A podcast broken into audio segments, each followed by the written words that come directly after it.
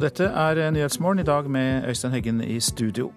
Folk i Vesterås i Sverige er skremt etter drapene på Ikea i går. Vi skal snakke med vår reporter der. Her skal Føflekkforeningen kommentere den nye behandlingen av føflekkreft som vi hørte om i Dagsnytt nettopp. Og FRP, Frp vil gi oljesektoren flere områder å bore i, møter motstand fra KrF og Venstre. Kvinnen og mannen som ble drept på Ikea i Vesterås i Sverige i går, var på ferie i byen. To menn er pågrepet og siktet for drapet, den ene av dem er selv hardt skadd. I Vesterås er folk sjokkert over det som har skjedd. Malin Forsbergs søster jobber på Ikea-butikken. Det er helt sjukt, må jeg si. Virkelig. Når jeg fikk reda på det, det var oppståelse på jobbet. Alle pratet om det, foreldre og barn og alle. Malin Forsbergs søster jobber på Ikea-butikken i Vesterås. Det tok lang tid før hun fikk tak i søsteren på telefon i går. Så sa hun at hennes kolleger var lesne og opprørte og så. Og så tok det kjempelang tid før de fikk levne Ikea. De var nå der i tre-fire timer etter det hadde hendt, før de fikk gå. To menn ble i går pågrepet og siktet for drapene. Den ene ble i går kveld avhørt, den andre er selv hardt skadd. Det var to tilfeldige ofre på ferie i Vesterås.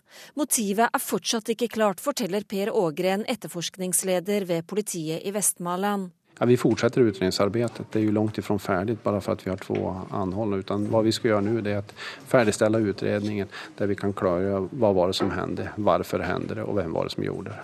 Ikea-butikken vil holde stengt i dag. Reportere Ellen Omland og Ida De Rosa. Og så til deg, reporter Maria Knopp eh, Vigsnes. Du er i Vesterås eh, på vegne av oss i NRK. Du har snakket med folk der, og hva sier de til deg om det som skjedde?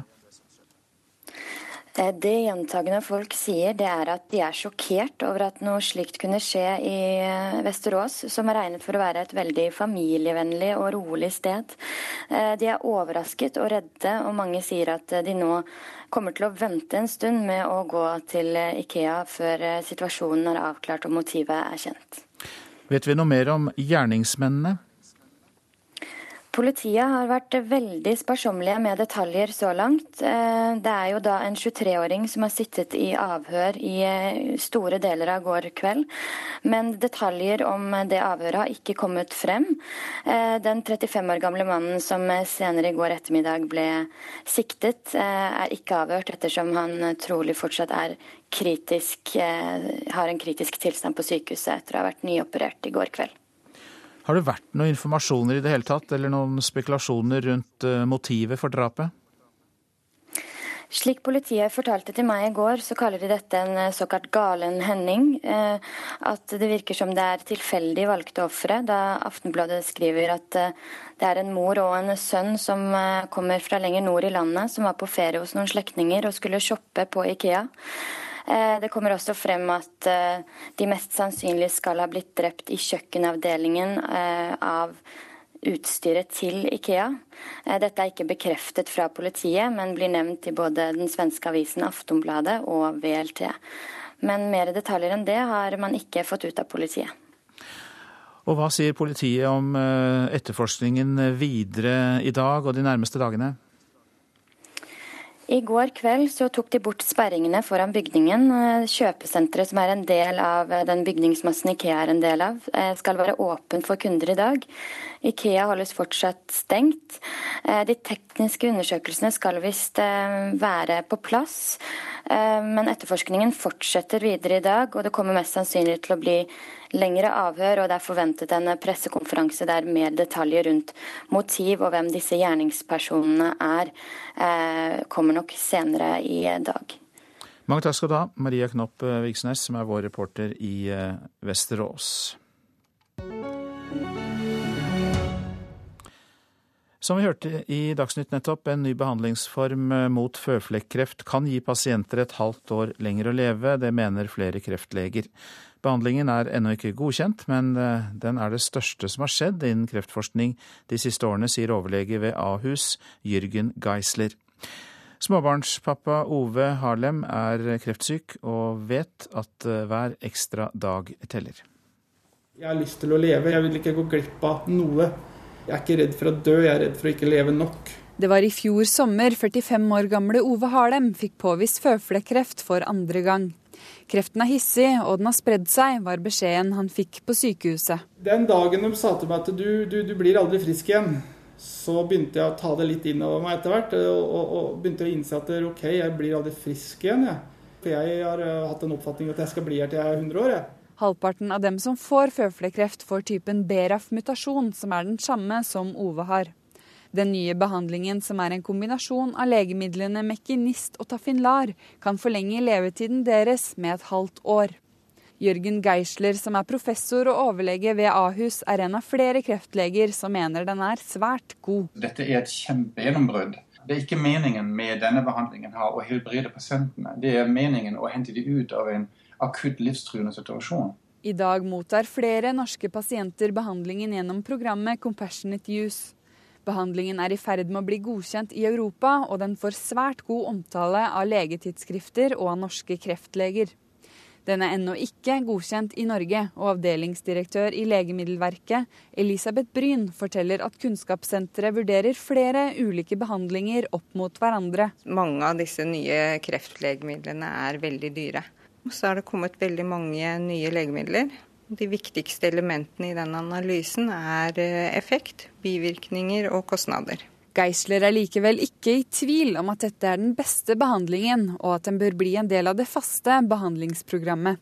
Det til tross for at mange pasienter etter hvert blir resistente mot behandlingen. Du får klinisk respons fra en dag til neste mer eller mindre hos ca. 80% av pasientene. Altså de som er i en livstruende situasjon. De som dør innen noen uker, noen få måneder, de kan bli hentet ut av den situasjonen og kontrollere sykdommen fullstendig. Og det er i hvert fall hos ca. tre av fire pasienter. Utprøvende behandling som kan forlenge livet, betyr svært mye for Ove Harlem, som vet at han ikke blir frisk. Selv om han ikke får akkurat denne behandlingen, er han glad for at det stadig skjer fremskritt i kreftforskningen. Nå nyter han hver ekstra dag han får sammen med kona og datteren Ovidia. Jeg er veldig redd for at hun ikke skal huske meg. Eller jeg forventer jo ikke heller når hun er ni måneder å huske meg, men når hun sitter som tiåring, så har hun ikke noe egentlig eget minne fra meg. da.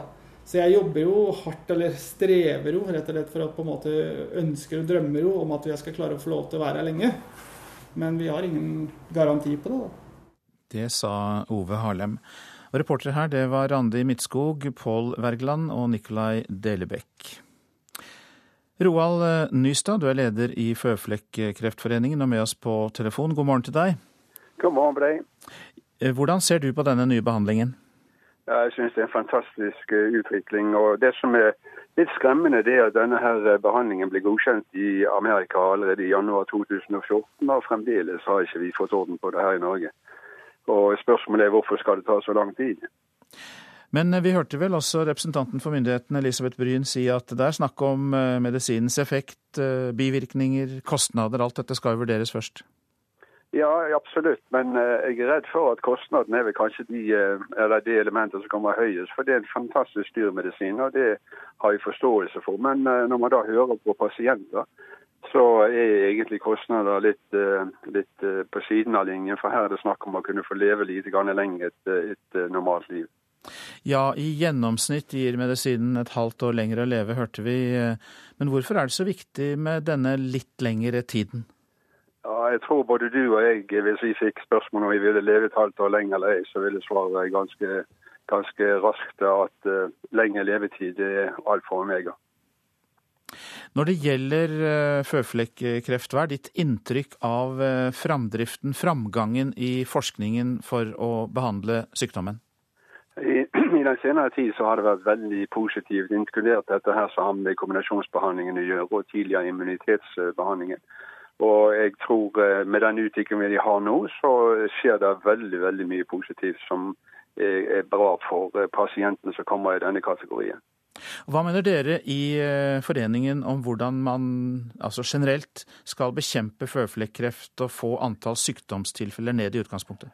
Ja, For det første må man være flink og ta vare på seg selv eh, i, eh, i oppvekst og når man er i, i, forbindelse med sol, slik at man kan ta hensyn til at noe må gjøres for at man skal ta vare på kroppen sin. Og Dernest så er det veldig viktig at man kommer seg til lege rimelig ofte og får sjekke ting som man føler er litt grann skummet. Mange takk for at du var med oss, Roald Nystad, leder i Føflekkforeningen. Nå tar vi for oss litt norsk politikk, for vi har nemlig fått høre at eh, det Frp mener om olje er eh, klimafornektelse, fra det til virkelighetsfornektelse. Det er nemlig karakteristikken som Venstre kommer med av Siv Jensens ambisjoner for norsk oljeindustri. Frp-lederen mener eh, at verden trenger hver dråpe av den oljen Norge råder over. Til applaus fra salen entra Siv Jensen talerstolen på Litteraturhuset i går. Hun var invitert til å snakke om Norge i 2040, og et av spørsmålene var hva Norge skal leve av etter oljen.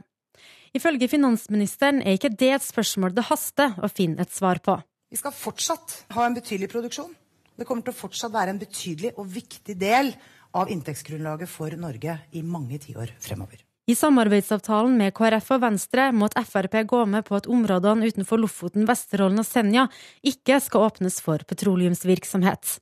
Men når denne stortingsperioden er over om to år, vil Frp gjøre alt de kan for at områder som i dag er freda av politiske avtaler, åpnes opp. I hver dråpe olje vi henter opp fra Nordsjøen, Barentshavet og havet utenfor eh, Lofoten og Vesterålen, så ligger muligheter for å bygge ut det norske velferdssamfunnet. Og derfor skal vi fortsette å lete. Derfor skal vi fortsette å hente olje fra stadig nye områder. De signalene som Fremskrittspartiet gir her, er stikk i strid med det KrF står for. Sier KrF-leder Knut Arild Hareide. Dette kommer fra et parti som eh, til en viss grad fornekter klimautfordringen. Eh, men vi tror den er veldig reell. Vi tror på så å si samtlige forskere i verden som slår fast at dette er en av våre største utfordringer. Og da må vi òg ta det på alvor. Også Ola Elvestuen i Venstre rister på hodet over Siv Jensens ambisjoner om å åpne stadig nye områder for oljeutvinning. Det er jo litt sånn fra klimafornektelse til virkelighetsfornektelse.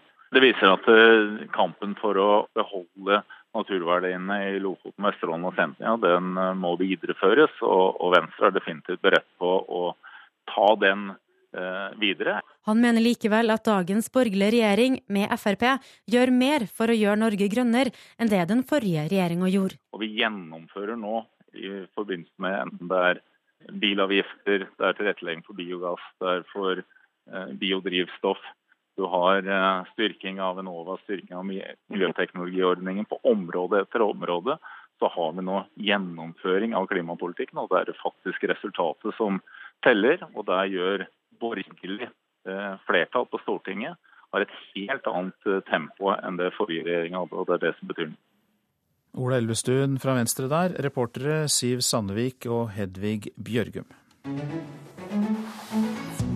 Klokka har passert 7.16. Dette er hovedsaker. Folk i Vesterås i Sverige er skremt etter drapene på Ikea. Det var en 55 år gammel kvinne og sønnen hennes på 28 som ble drept. Ny behandling av føflekkreft gir håp til pasienter. Det største som har skjedd innen kreftforskning de siste, året, de siste årene, sier overlege. Føflekkforeningen sa her i Nyhetsmorgen at medisinen må godkjennes for bruk i Norge nå. Folk vil til topps, stadig flere går i fjellet, men det fører også til flere leteaksjoner. Mer om det seinere. Det ble avholdt parlamentsvalg i Haiti på søndag etter fire års forsinkelse. Flere ble drept og mange arrestert i forbindelse med valget. Og Petter Skouen, du har drevet freds- og forsoningsarbeid på Haiti for Kirkens Nødhjelp og Utenriksdepartementet. Du kjenner landet godt, du er med oss fra studio i Fredrikstad. God morgen. God morgen. Hva mer vet du om eh, grunnen til denne uroen i forbindelse med valget? Ja, Det er ofte slik på Haiti at uh, valg kan bety et håp om endring. Eh, helt siden eh, Baby Doc ble jaget i eksil i 1986, så har eh, hvert valg og håp om demokrati egentlig gått i grus. Og hver gang man da arrangerer nyvalg og ny president skal velges, så kommer grupper sammen, grupper som står rundt de forskjellige kandidatene Det er ofte mange kandidater. Denne gangen, når presidentvalget skal holdes i oktober, så er det ca. 60 kandidater foreløpig. Og det har vært opptil 110 kandidater. Så det er mye, det er mye um, uro. Og de presidentkandidatene som stiller, har ofte sine grupper som uh, destabiliserer landet. Men hvorfor er Haiti så kronisk ustabilt? Det, det, henger sammen med Det er en lang historie. Haiti var det første landet av frigjorte slaver. De fikk sin selvstendighet i 1804. Da ble eh, slaveriet avskaffet. I USA så ble det avskaffet i 1860-1865. Eh, de har aldri greid å samle seg. Dette er slaver som har kommet fra forskjellige land i Afrika. De snakkes om 18 forskjellige grupper i Haiti. De har sine tradisjoner. De har hatt med seg Afrika til Haiti. Så Haiti er ofte det mest kompliserte av Afrika, som flyter eh, i Karibien. Og de er eh, fremdeles primitive. Mange mennesker i Haiti, fire-fem millioner, lever primitivt med positiv fortegn. De er fattige. De er stolte av kulturen sin og de er sultne. Det skaper konflikt.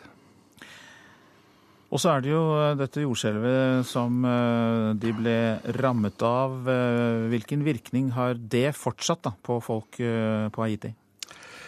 Det var et fryktelig dramatisk jordskjelv i 2010, hvor 350 000 mennesker ble drept, hovedsakelig i Port-au-Prince, som er hovedstaden, men også rundt i landet. Eh, fragmenteringen og splittelsen i Haiti, eh, interesse for egne grupper, gjorde at hjelpen egentlig aldri ble, kom helt fram. Nå skal det sies at Norge har investert og gjort en fantastisk innsats. Norske myndigheter har bevilget penger til Haiti. Man forsøkte å bekjempe korrupsjon, forsøkte å komme inn til kjernen av mennesker i Haiti som kunne gjøre en endring. Og FN har gjort en fantastisk rolle. Men stoltheten i Haiti, selvstendigheten helt tilbake til 1804, eh, har gjort at haitianerne ønsker å gjøre dette selv. Det er også nøkkelen til eh. Dersom haitianerne selv kan komme dit hen at de organiserer sine valg uten innflytelse utenfra. USA har intervenert og invadert Haiti over 20 ganger. Så det er mistillit. Haitianerne tror ikke så mye på omverdenen, fordi alle har, mange har kommet og fortalt hva de skal gjøre.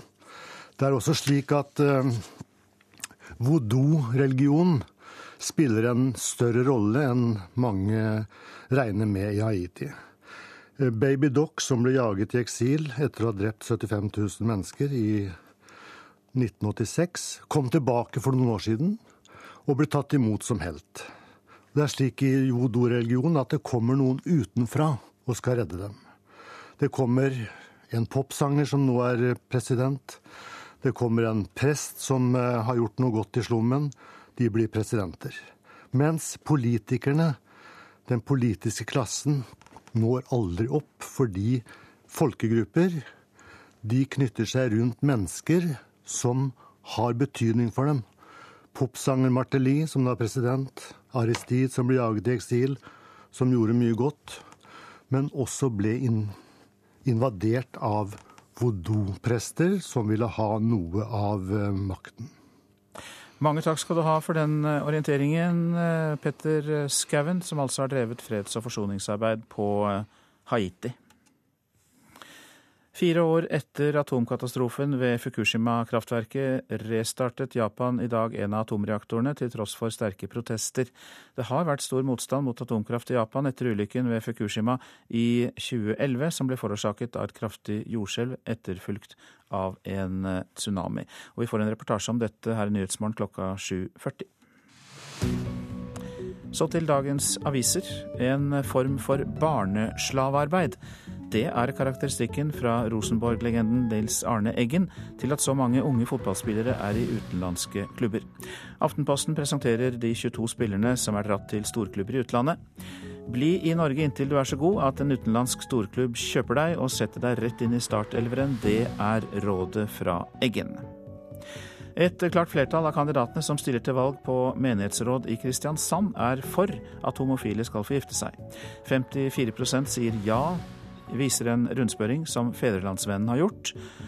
Når den harde kjernen i bibelbeltets hovedstad sier ja til likekjønnede ekteskap, da står kirken overfor en helt ny situasjon. Det sier avisas kommentator Vidar Udjus. 53 år gamle Vibeke Bjerg løper mot oss på VGs forside. Hun har, hadde svulst på hjernen i 17 år, men en måned etter at hun ble operert og kreftfri, løp hun maraton. Nå hjelper hun andre kvinner som har et sofaliv, med å gjennomføre maratonløp. Jusprofessor Eivind Smith frykter at Grunnloven brytes fordi utenlandske selskaper kan få rett til å saksøke Norge. Til Klassekampen sier Smith at regjeringens forslag om å styrke utenlandske selskapers rettigheter gjennom nye investeringsdomstoler bør vurderes i lys av Grunnloven.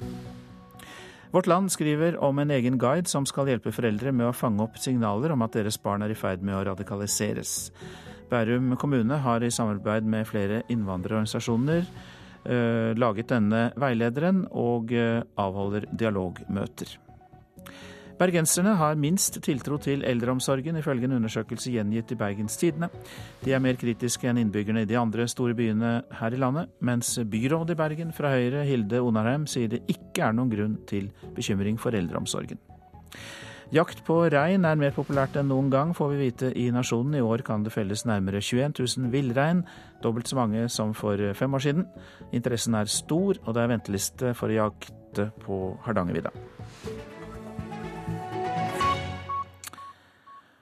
Og apropos det å komme seg opp i høyden og i naturen. Folk søker seg eh, til stadig brattere terreng, for interessen for å gå i fjellet øker.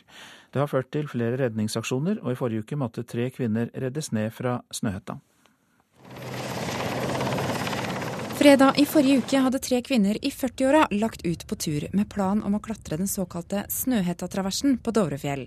Men de ble overraska av tåke og dårlig sikt og måtte reddes ned fra fjellet. Innsatsleder Tor Jørgen Bø rapporterte slik fra Snøheim. Disse her damene eh, er fysisk uskada. Denne turen ble lengre, mer strabasiøs, og um, de ble brukt mer tid enn de trodde. Så totalt sett så var de glade for å få hjelp og bli berga ned igjen. I sommer har det vært en økning i antall oppdrag for de alpine redningsgruppene i Norge. I fjor sommer var de ute på 14 oppdrag, mens de i sommer har vært ute på over 20. Områdene som går igjen er Jotunheimen, Dovrefjell og Lofoten. Mange må reddes ut av klatreterreng, sier Albert Lunde, leder i Nord-Gudbrandsdal alpine redningsgruppe.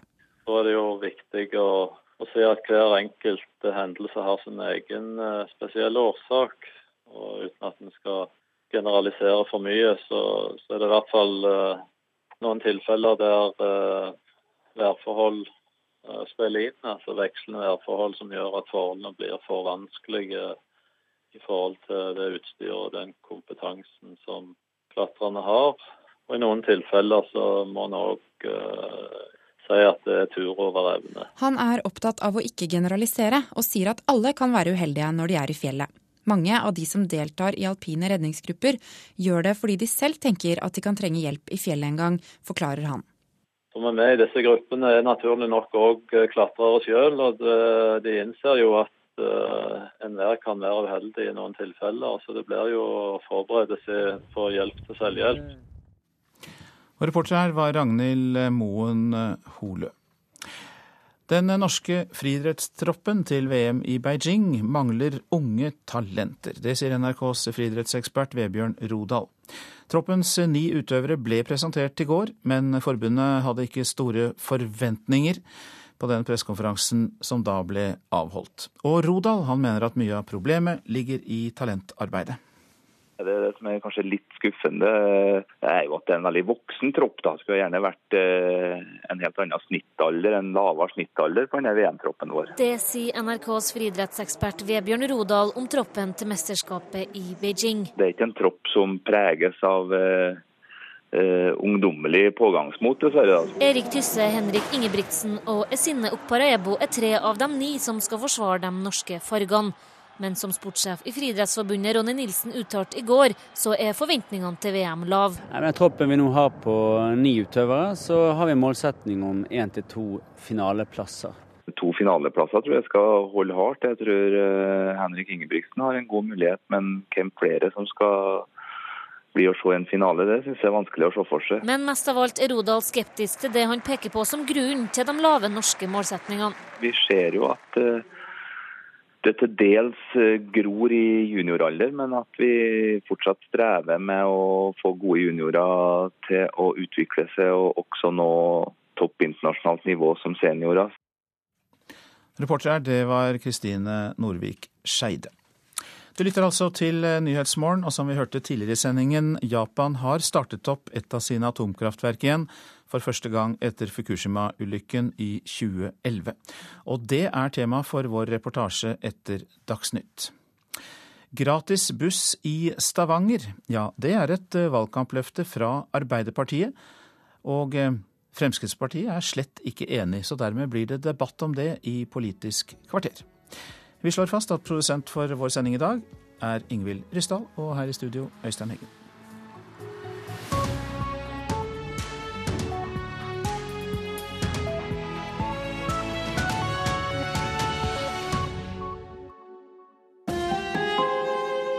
Hør ekko.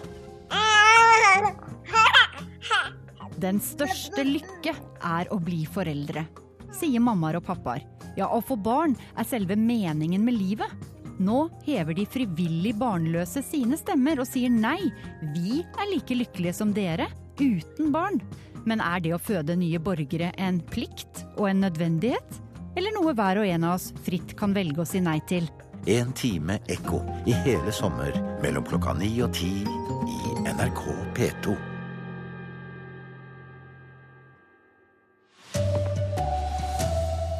Det er fortsatt uklart hva som er motivet bak drapene på Ikea i Vesterås i går. En ny behandlingsform mot føflekkreft kan gi pasienter et halvt år lengre tid å leve. Og Tyskland har til nå tjent 900 milliarder kroner på krisa i Hellas. Her er NRK Dagsnytt, klokka er 7.30. Det var en 55 år gammel kvinne og hennes 28 år gamle sønn som ble drept på en Ikea-butikk i Vesterås i Sverige i går. De to ble tilfeldige ofre da de ble angrepet inne på Ikeas kjøkkenavdeling. Det skriver Vestmannlands Lens Tidning. I byen nord for Stockholm er folk skremt over det som har skjedd. Det er helt sjukt, må jeg si. Virkelig. Når jeg fikk reda på det, det var oppståelse på jobbet. Alle pratet om det. Foreldre og barn og alle. Malin Forsbergs søster jobber på Ikea-butikken i Vesterås. Hun forteller at det tok lang tid før hun fikk tak i søsteren på telefon. Så sa hun at hennes kolleger var lesne og opprørte og så. Og så tok det lang tid før de fikk levne Ikea. To menn ble i går pågrepet og siktet for drapene. Den ene ble i går kveld avhørt, den andre er selv hardt skadd. Det var to tilfeldige ofre på ferie i Vesterås. Ifølge Vestmannlandstidningen var ofrene en 55 år gammel mor og hennes 28 år gamle sønn som ble angrepet i Ikeas kjøkkenavdeling. Politiet har foreløpig ikke bekreftet dette. De to gjerningsmennene på 35 og 23 år er ikke kjent av politiet fra før. Motivet er fortsatt ikke klart, sier Per Ågren, områdesjef ved politiet i Vesterås. Ja, vi fortsetter utredningsarbeidet. Det er jo langt ifrån ferdig bare for at vi har to anholdne. Utan hva vi skal gjøre nå, er å ferdigstille utredningen der vi kan klargjøre hva var det som hendte, hvorfor hendte det, og hvem var det som gjorde det. Malin Forsberg sier hun blir utrygg av dette. Man kommer jo være litt urolig når man åker til Ikea neste gang, eller man kommer jo kolla rundt. og Det kjennes jo sjukt der man er så ofte, liksom. Reportere var Ellen Omland og Ida de Rosa. Og reporter Maria Knopp Vigsnes, du er i Vesterås. Hva sier folk om det som har skjedd? Nei, menneskene her de er sjokkert og overrasket. Vi snakket med de sent i går kveld, og mange er redde. Eh, de hadde aldri trodd at noe slikt kunne skje på et såpass rolig og familievennlig sted som de beskriver Vesterås, som har samme avstand til Stockholm som Hamar har til Oslo. Hva er blitt sagt om eh, gjerningsmennene? Eh, Politiet har holdt uh, kortene veldig tett til brystet. Det er da en 23-åring som satt i avhør store deler av uh, i går ettermiddag. Men ingen detaljer fra det avhøret har kommet frem. 35-åringen som ligger på sykehuset fortsatt, har man ikke fått noe mer informasjon om.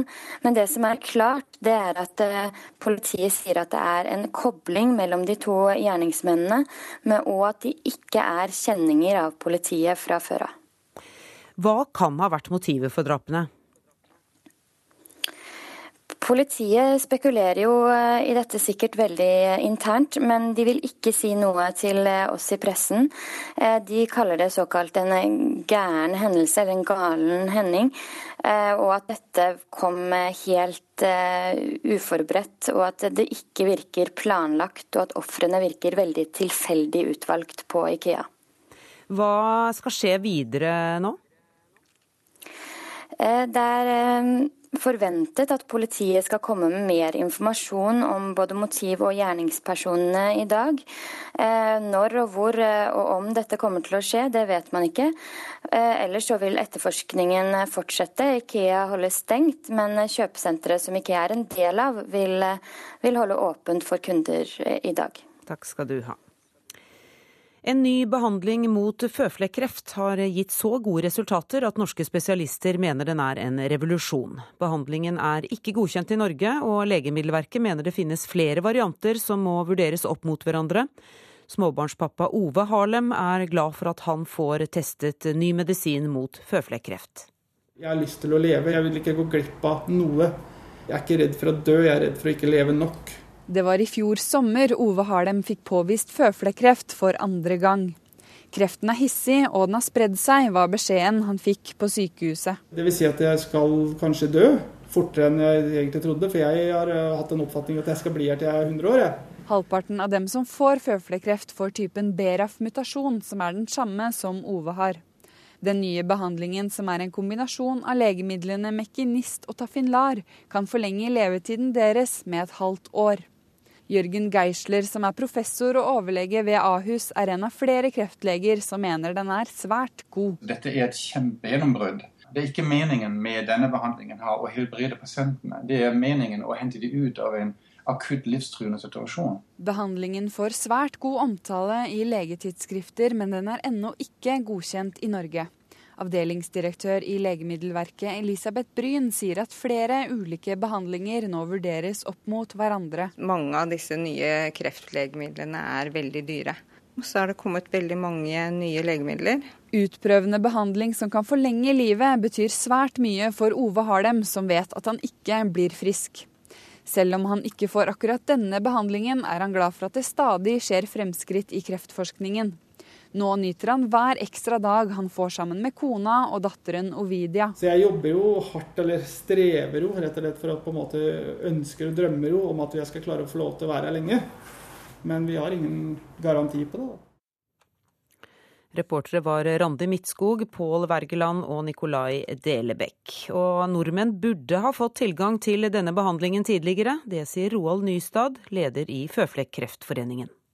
Det som er litt skremmende, det er at denne her eh, behandlingen ble godkjent i Amerika allerede i januar 2014, og fremdeles har ikke vi fått orden på det her i Norge. Og Spørsmålet er hvorfor skal det ta så lang tid. Jeg er redd for at kostnaden er vel kanskje de, eh, de elementer som kommer høyest, for det er en fantastisk dyr medisin, og det har jeg forståelse for. Men eh, når man da hører på pasienter, så er egentlig kostnader litt på siden av linjen, for her er det snakk om å kunne få leve lite grann lenger et, et normalt liv. Tyskland har til nå tjent 900 milliarder kroner på økonomikrisa i Hellas. Det kommer fram i en ny tysk undersøkelse. Hellas kom i natt ett skritt nærmere nye kriselån. Budsjettmålene kreditorene godtok, gir et underskudd på bruttonasjonalprodukt i årene som kommer. Dermed får Hellas lån til å betale gamle lån. Samtidig offentliggjorde Leibniz-instituttet for økonomisk forskning en studie som viser at Hellas-krisen er big business for Tyskland. Den har gitt lavere lånekostnader og samtidig et kraftig oppsving i salget av tyske statsobligasjoner. Det gir en ikke planlagt inntekt på 900 milliarder kroner, og trekker man fra alt Tyskland har tapt på krisen i Hellas, overgår ekstrainntektene utgiftene. Tenketanken viser til at uroen rundt Hellas har fått investorer i finansmarkedene til å søke tryggere investeringer, og dem har de funnet i tyske statsobligasjoner. Tyskland har kunnet sette ned renta på obligasjonene, noe som har fått det tyske nasjonalproduktet til å vokse. Reporter var eh, Tom Christiansen. Fra klimafornektelse til virkelighetsfornektelse, slik karakteriserer Venstre Siv Jensens ambisjoner for norsk oljeindustri. Fremskrittspartilederen mener verden trenger hver dråpe av den oljen Norge råder over. Til applaus fra salen entra Siv Jensen talerstolen på Litteraturhuset i går. Hun var invitert til å snakke om Norge i 2040, og et av spørsmålene var hva Norge skal leve av etter oljen. Ifølge finansministeren er ikke det et spørsmål det haster å finne et svar på. Vi skal fortsatt ha en betydelig produksjon. Det kommer til å fortsatt være en betydelig og viktig del av inntektsgrunnlaget for Norge i mange tiår fremover. I samarbeidsavtalen med KrF og Venstre måtte Frp gå med på at områdene utenfor Lofoten, Vesterålen og Senja ikke skal åpnes for petroleumsvirksomhet. Men når denne stortingsperioden er over om to år, vil Frp gjøre alt de kan for at områder som i dag er freda av politiske avtaler, åpnes opp. De signalene som Fremskrittspartiet gir her, er stikk i strid med det KrF står for. Sier KrF-leder Knut Arild Hareide. Reportere var Siv Sandvik og Hedvig Bjørgum. Interessen for å jakte på villrein har økt kraftig, det skriver Nasjonen. Det er både rekordstore kvoter i år, og flere enn noen gang har søkt om å få jakte. Den økende interessen er nok ikke tilfeldig. Vi har bedre tid til å dyrke egne interesser til selvrealisering og utfordringer, ifølge jaktforsker Jo Inge Breisjø Berge. Og reinsjakta starter 20. august og avsluttes 30. Ansvarlig for eh, denne sendingen var Anne Skårseth. Det tekniske ansvaret hadde Hilde Tosterud. Skript var Hibba Sarmavadi, og i studio Kari Ørstavik.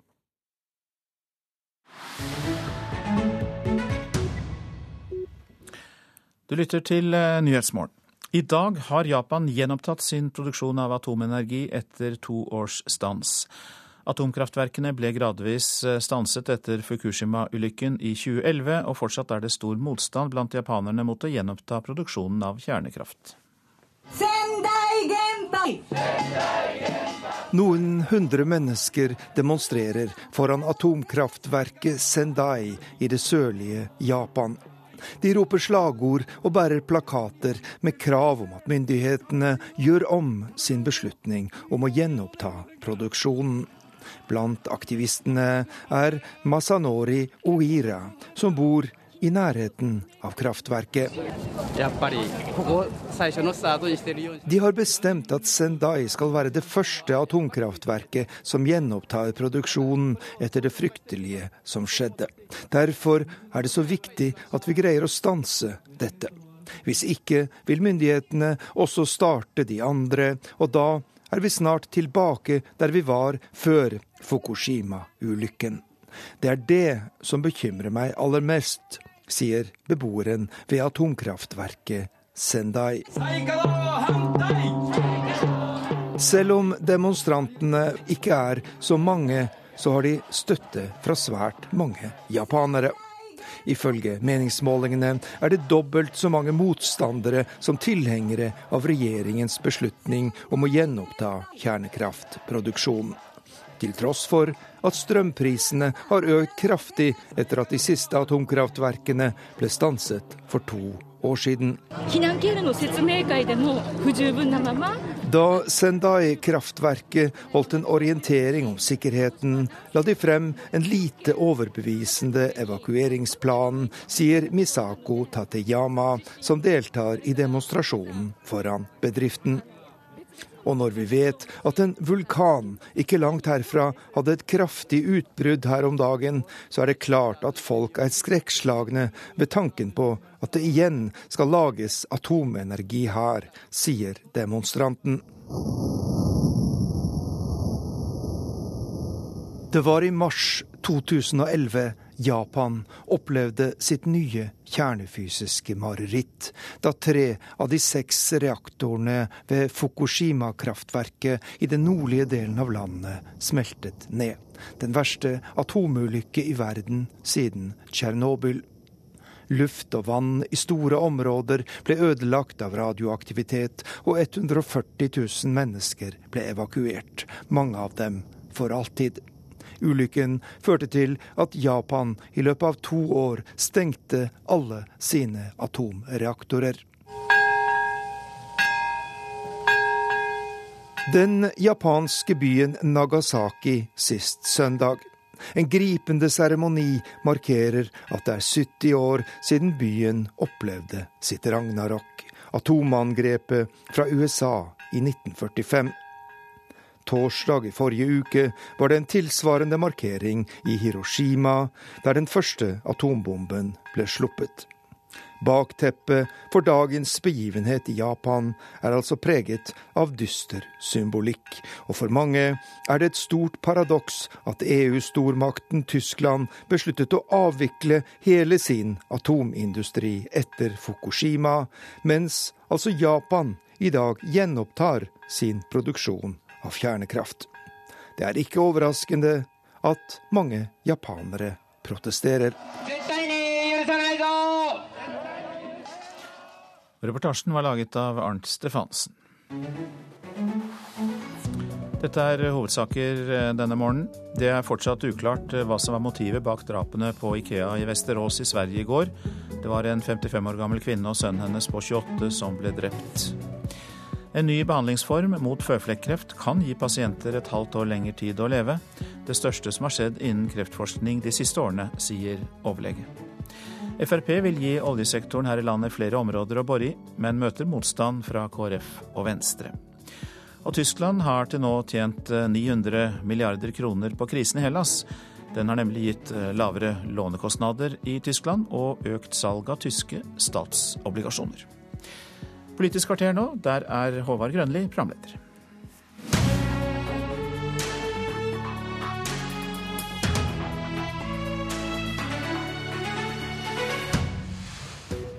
Kan det være fornuftig pengebruk å tilby borgerne gratis kollektivtransport? Eller kaster vi da bort penger vi kunne brukt på å forbedre tilbudet? Velkommen til Politisk kvarter. Arbeiderpartiet i Stavanger går til valg på gratis busstransport. Frp er ikke akkurat enig. God morgen, ordførerkandidat eh, Cecilie Bjelland for Arbeiderpartiet i Stavanger. God morgen.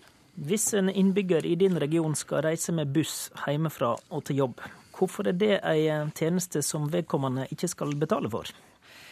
Sånn som vi tenker i forhold til gratis buss, så er det en vinn-vinn-situasjon der vi kan løse to problemer samtidig. Den første er at vi har lange bilkøer i Stavanger, og vi trenger å gjøre noe for å få flere til å bruke kollektivtrafikk. Og da tenker vi som så at eh, gratis buss kan være den gulroten som folk trenger for å begynne å bruke kollektivdekningen, som delvis er der, og som skal bygges massivt ut i de årene som kommer. Men den andre tingen er òg at nå kan vi løse en del av de klimautfordringene som vi har, der vi vet at transportsektoren, og spesielt privatbilismen i de store byene, er en del av løsningen. Og det å få flere over på kollektiv, det er da en god situasjon både for å bli kvitt køene og for å løse klimaproblemer. Stavanger inngår jo i en større bu- og arbeidsmarked. Ehm, hva er det du går til valg på da? Er det å, å tilby gratis buss i Stavanger kommune, eller er dette et forslag for hele regionen?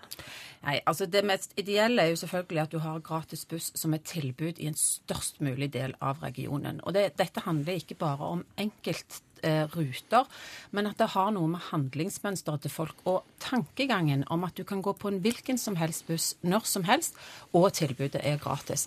Og bare for å si det sånn, så ser vi det som med, en gang at det måtte være et fellesprosjekt for kommunene Randaberg, for Sola, for Sandnes og for Stavanger, fordi at det er et såpass integrert bo- og arbeidsmarked at da kan alle ha den muligheten til å bruke kollektivtrafikk for å komme seg til og fra arbeid eller til og fra hjemmet sitt. Det høres jo ut som et uh, fint tilbud for en busskunde, men eh, det hørtes jammen ikke billig ut. Hva vil det her koste, da?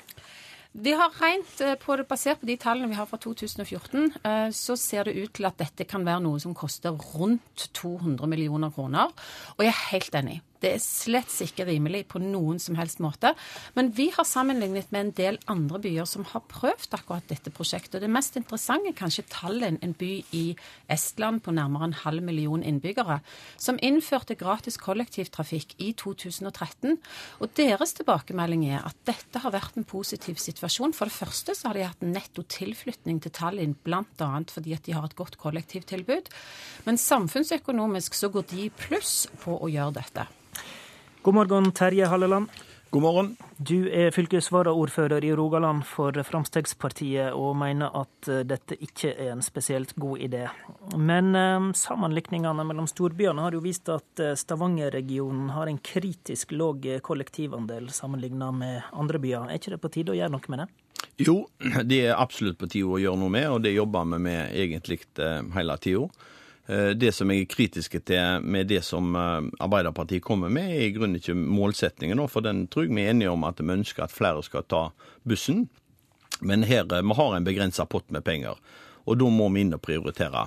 Og det har ikke vært, Dette er ikke noen sånn prissensitiv vare. Eh, og, og det som eh, vi har eh, fått tydelige tilbakemeldinger på Hva, men, hva mener du med prissensitiv vare her? Ja, det, det, er ikke prisen som er det avgjørende for at vi har det lave tallet som vi har i, i regionen. Folk tar bussen uansett om den er gratis eller koster litt? Ja, altså det er ikke det som er, er det avgjørende. Det som vi jobber for å få til, det er at bussen må gå når han skal, og at han går ofte, og at han kommer fram i rett tid. Og, og, har vi penger til overs til å prioritere på, på, kollektiv, så er det disse områdene vi kommer til å prioritere. Når det gjelder pris, så har vi et veldig godt uh, tilbud på, på månedskorter, uh, som, som, er veldig godt brukt. Og Den gruppa som vi prøver å best ivareta prismessig, det er ungdommene. og de har uh, tilgang til et, et billig ungdomskort. Hva mener du er konsekvensen av Ap sitt forslag, da? Nei, altså vi har et uh, Tilbudet som vi har i regionen, koster 550 millioner. Og av disse så er ca. 50% billettinntekter.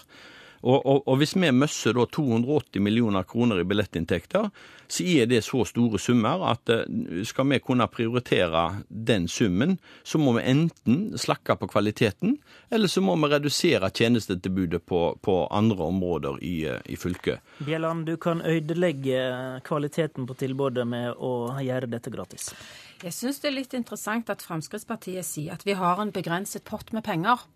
Dette er det samme partiet som stemte mot den bompakken som nå var vedtatt i 2014 på 21 milliarder kroner for å finansiere kollektivutbyggingen i denne regionen.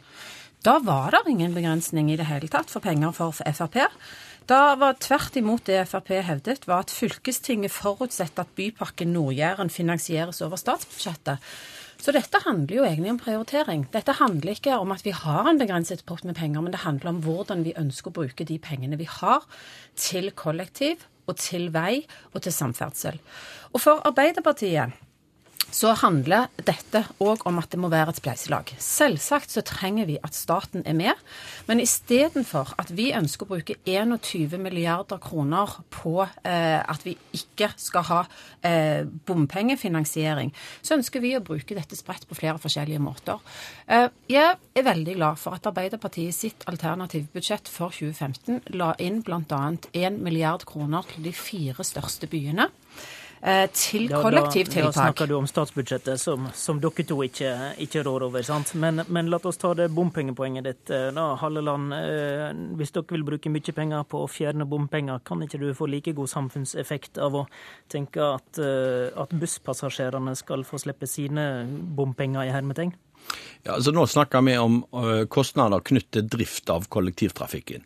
Og, og i, eh, i, eh, Stavanger så uh, er det ikke tenkt å bruke ei krone av bompengeinntektene til drift av, av, av, kollektivtrafikken. Så hvor Cecilie vil bruke de tallene sine ifra, det vil, det vil være vanskelig. Men heldigvis så sitter nå Fremskrittspartiet i regjering og har klart å øke budsjettene på kollektiv mens de sitter i regjering.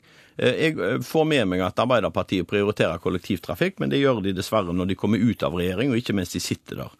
Og Belønningsordningen som nå kommer til, til Stavanger, har, har den sittende regjeringa økt for Stavanger sitt vedkommende fra 60 millioner til 100 millioner.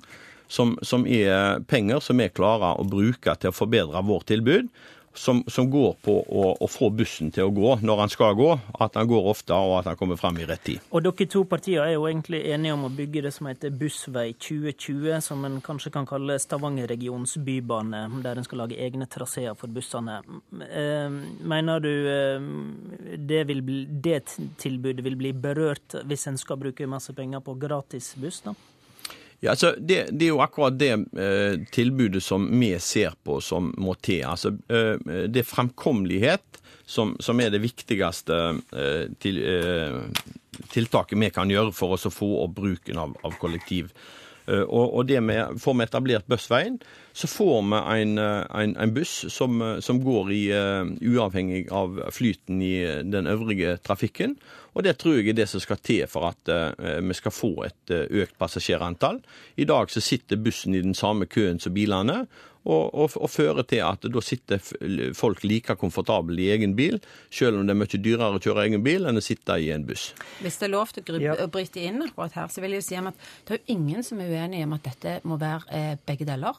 Det handler både om at vi må ha tilgjengelighet, vi må ha økt frekvens, vi må rett og slett ha bussene raskere fram, og det er det vi har startet på. Arbeiderpartiet skar igjennom den bybanedebatten som var i Stavanger, og nå har vi startet byggingen av langt flere kollektivfelt. Men, Men vi snakker om hvordan vi skal få brukt dette tilbudet. I dag har vi en dekning på ca. 10% som bruker kollektiv i vår region.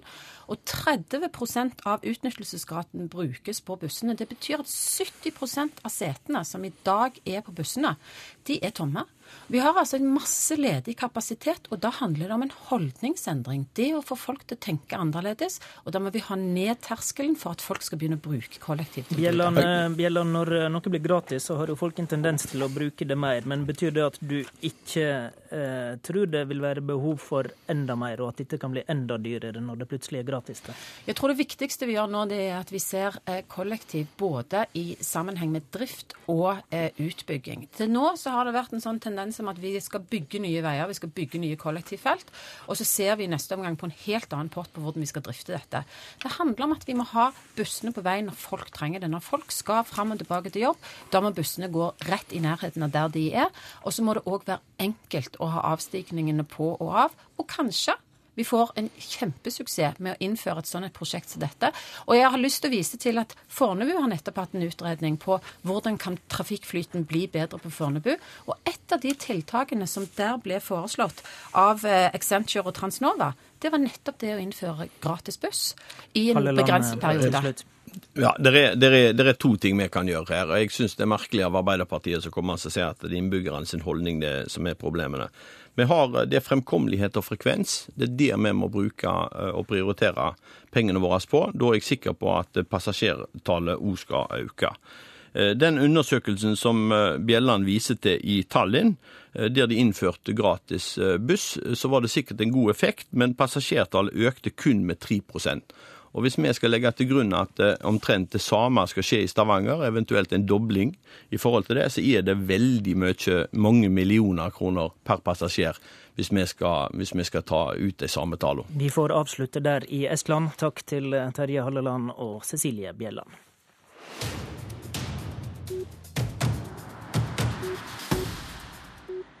Samarbeidspartiene KrF og Frp står på hver sin planet i oljepolitikken. Det fikk vi nok en gang bevist i går, da partilederne Siv Jensen og Knut Arild Hareide talte på foredragsrekka 'Norge i 2040' på Litteraturhuset i Oslo.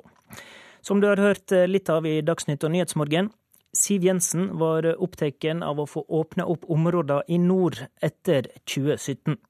Hennes formulering var at vi må utnytte alle oljedråper som er igjen. Verden trenger hver dråpe av den oljen som Norge råder over. I hver dråpe olje vi henter opp fra Nordsjøen, Barentshavet og havet utenfor eh, Lofoten og Vesterålen, så ligger muligheter for å bygge ut det norske velferdssamfunnet. Og Derfor skal vi fortsette å lete. Derfor skal vi fortsette å hente olje fra stadig nye områder. Teknologi vil definere stadig nye grenser for hva som er miljømessig forsvarlig, ikke landsmøtevedtak i politiske partier. Derfor er ikke grensen satt for langt nord, eller for langt ned, eller eh, for nært land i forhold til hva vi faktisk har muligheten til å hente opp. Politiske signaler om at oljeforekomster på norsk sokkel nå må bli liggende, gir helt feil beskjed til en næring som skaper milliardverdier for Norge. Og norsk petroleumsnæring er miljø- og ansvarsbevisst. I valget mellom å stole på Eldar Setre eller Rasmus Hansson, så er i hvert fall ikke jeg i tvil om hvem som vet mest om hvor trygg oljenæringen faktisk er. Og vi skal altså være stolte av hva denne næringen har utrettet. Rasmus Hansson var der ikke for å gi replikk, men KrFs partileder Knut Arild Hareide holdt foredraget en dryg time senere, og greip ballen da med et helt annet bilde av hvor viktig oljenæringa er for Norge. For å si sånn, olje- og gassnæringa står ikke for mer enn 7% av Norges nasjonalformue. Verdien av nordmenns nåværende og framtidig arbeidsinnsats er hele 82% av vår nasjonalformue. Og Her ligger òg årsaken til den positive utviklingen i norsk økonomi siden 1970-tallet. Og der Siv Jensen var opptatt av å si at vi trenger hver norske dråpe olje, så var Hareides perspektiv et helt annet. Så vi global oppvarming. Heldigvis er det stadig mer kunnskap om og kjennskap til denne utfordringen. Og Snart er det vel bare hun som var her for et par timer siden, som tviler på om det menneskeskapt oppvarming egentlig eksisterer.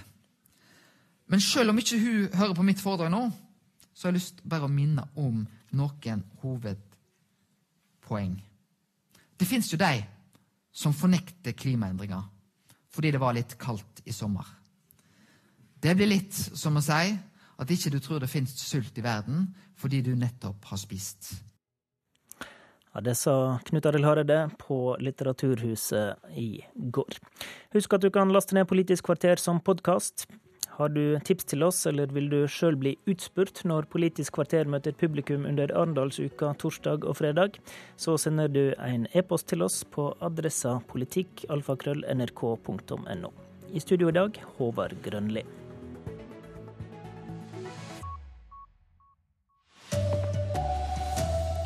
Hellas og kreditorene er kommet til enighet om vilkårene for en ny lånepakke. Og forkjempere for at homofile skal få gifte seg, mobiliserer før kirkevalget.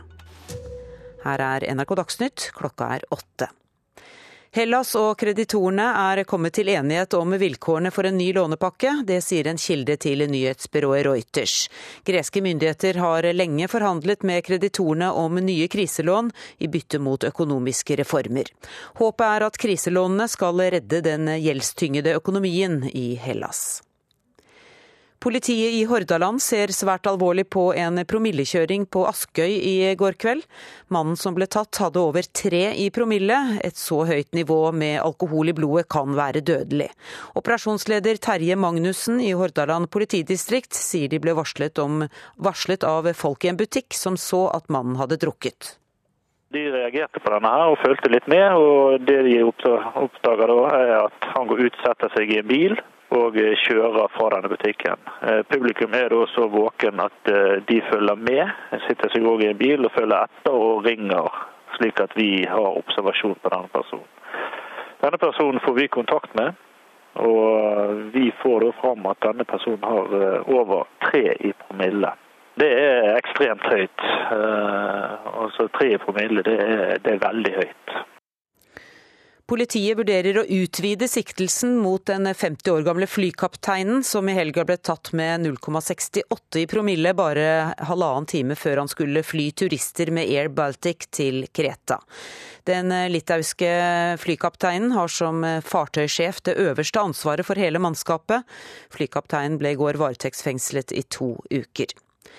Forkjempere for at homofile skal få gifte seg, mobiliserer. Spørsmålet seiler opp eh, til å bli det store temaet i kirkevalget til høsten. Nå går flere av kandidatene til Bjørgvin bispedømme ut og ber folk om å gi dem dobbeltstemme. En av dem er eh, Karl Johan Kirkebø, og han er ikke i tvil om at homofile bør få gifte seg i kirka. Selvfølgelig. Dette med den åpne kirken der ingen skal diskrimineres, tilsier jo at da må de homofile få lov å gifte seg. På kirkemøtet i fjor sa 64 delegater nei til homofilt ekteskap og 51 ja. Organisasjonen Åpen folkekirke mobiliserer nå for et flertall for tilhengere av homofilt ekteskap til neste kirkemøte.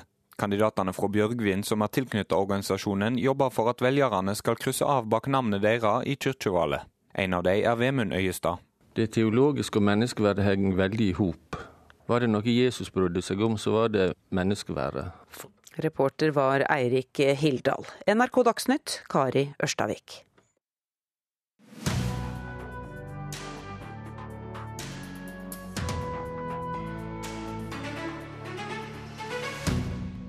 Håndskriften forsvinner hvis skolene prioriterer å lære barna å skrive på lesebrett. Det hevder en filosofiprofessor. Flere skoler bytter blyant med tastatur i første klasse.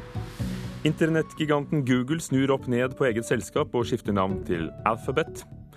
Amerikansk klassiker om fattige og fargerike folk i Brooklyn kommer i ny norsk utgave. Og kunstner Jan Groth snakker om sine private kulturskatter som skal stilles ut til høsten. Velkommen til Kulturnytt i Nyhetsmorgen med Ugo Fermariello, hvor vi også skal kaste et blikk på musikkhøsten som nærmer seg. Håndskriften står i fare for å forsvinne pga. den økende bruken av smarttelefoner og nettbrett. Det frykter professor i filosofi Arne Johan Vetlesen. Han mener skolen bør basere skriveopplæringen på håndskrift, og ikke på tastaturer og lesebrett, som flere norske skoler nå velger å gjøre. Nei, den er ikke der. Da er det først. Ja. Og så var det den rundingen som heter Jeg, ord. jeg har gjort det allerede. Du har gjort det? Og, og så mellomrom, så den leser opp. Sol. På Dagsrevyen i går så vi Erling Grønlund lære kommende elever ved Teglverket skole i Oslo å skrive på tastatur. Grønlund er grunnlegger av firmaet Rikt, som tilbyr norske skoler rådgivning i metoden. Når man jobber med papir og blyant, så er det mye finmotorikk inne i bildet. Og for en fem-seksåring eh, så krever det veldig mye. Her slipper de den koordinasjonen mellom hode og hånd. Her her kan de gå rett på dette med bokstaver. Det var en liten gutt som gikk og gret og var så lei. Mestring og raskere leseferdigheter er argumenter som blir brukt i favør lesebrettskrivinga. Han ødela hele arket, han var tufsete og dum. Den ofte så vanskelige håndskrifta skal fra neste år fases ut på førsteklassetrinnet i Finland, til fordel for tastaturkompetanse.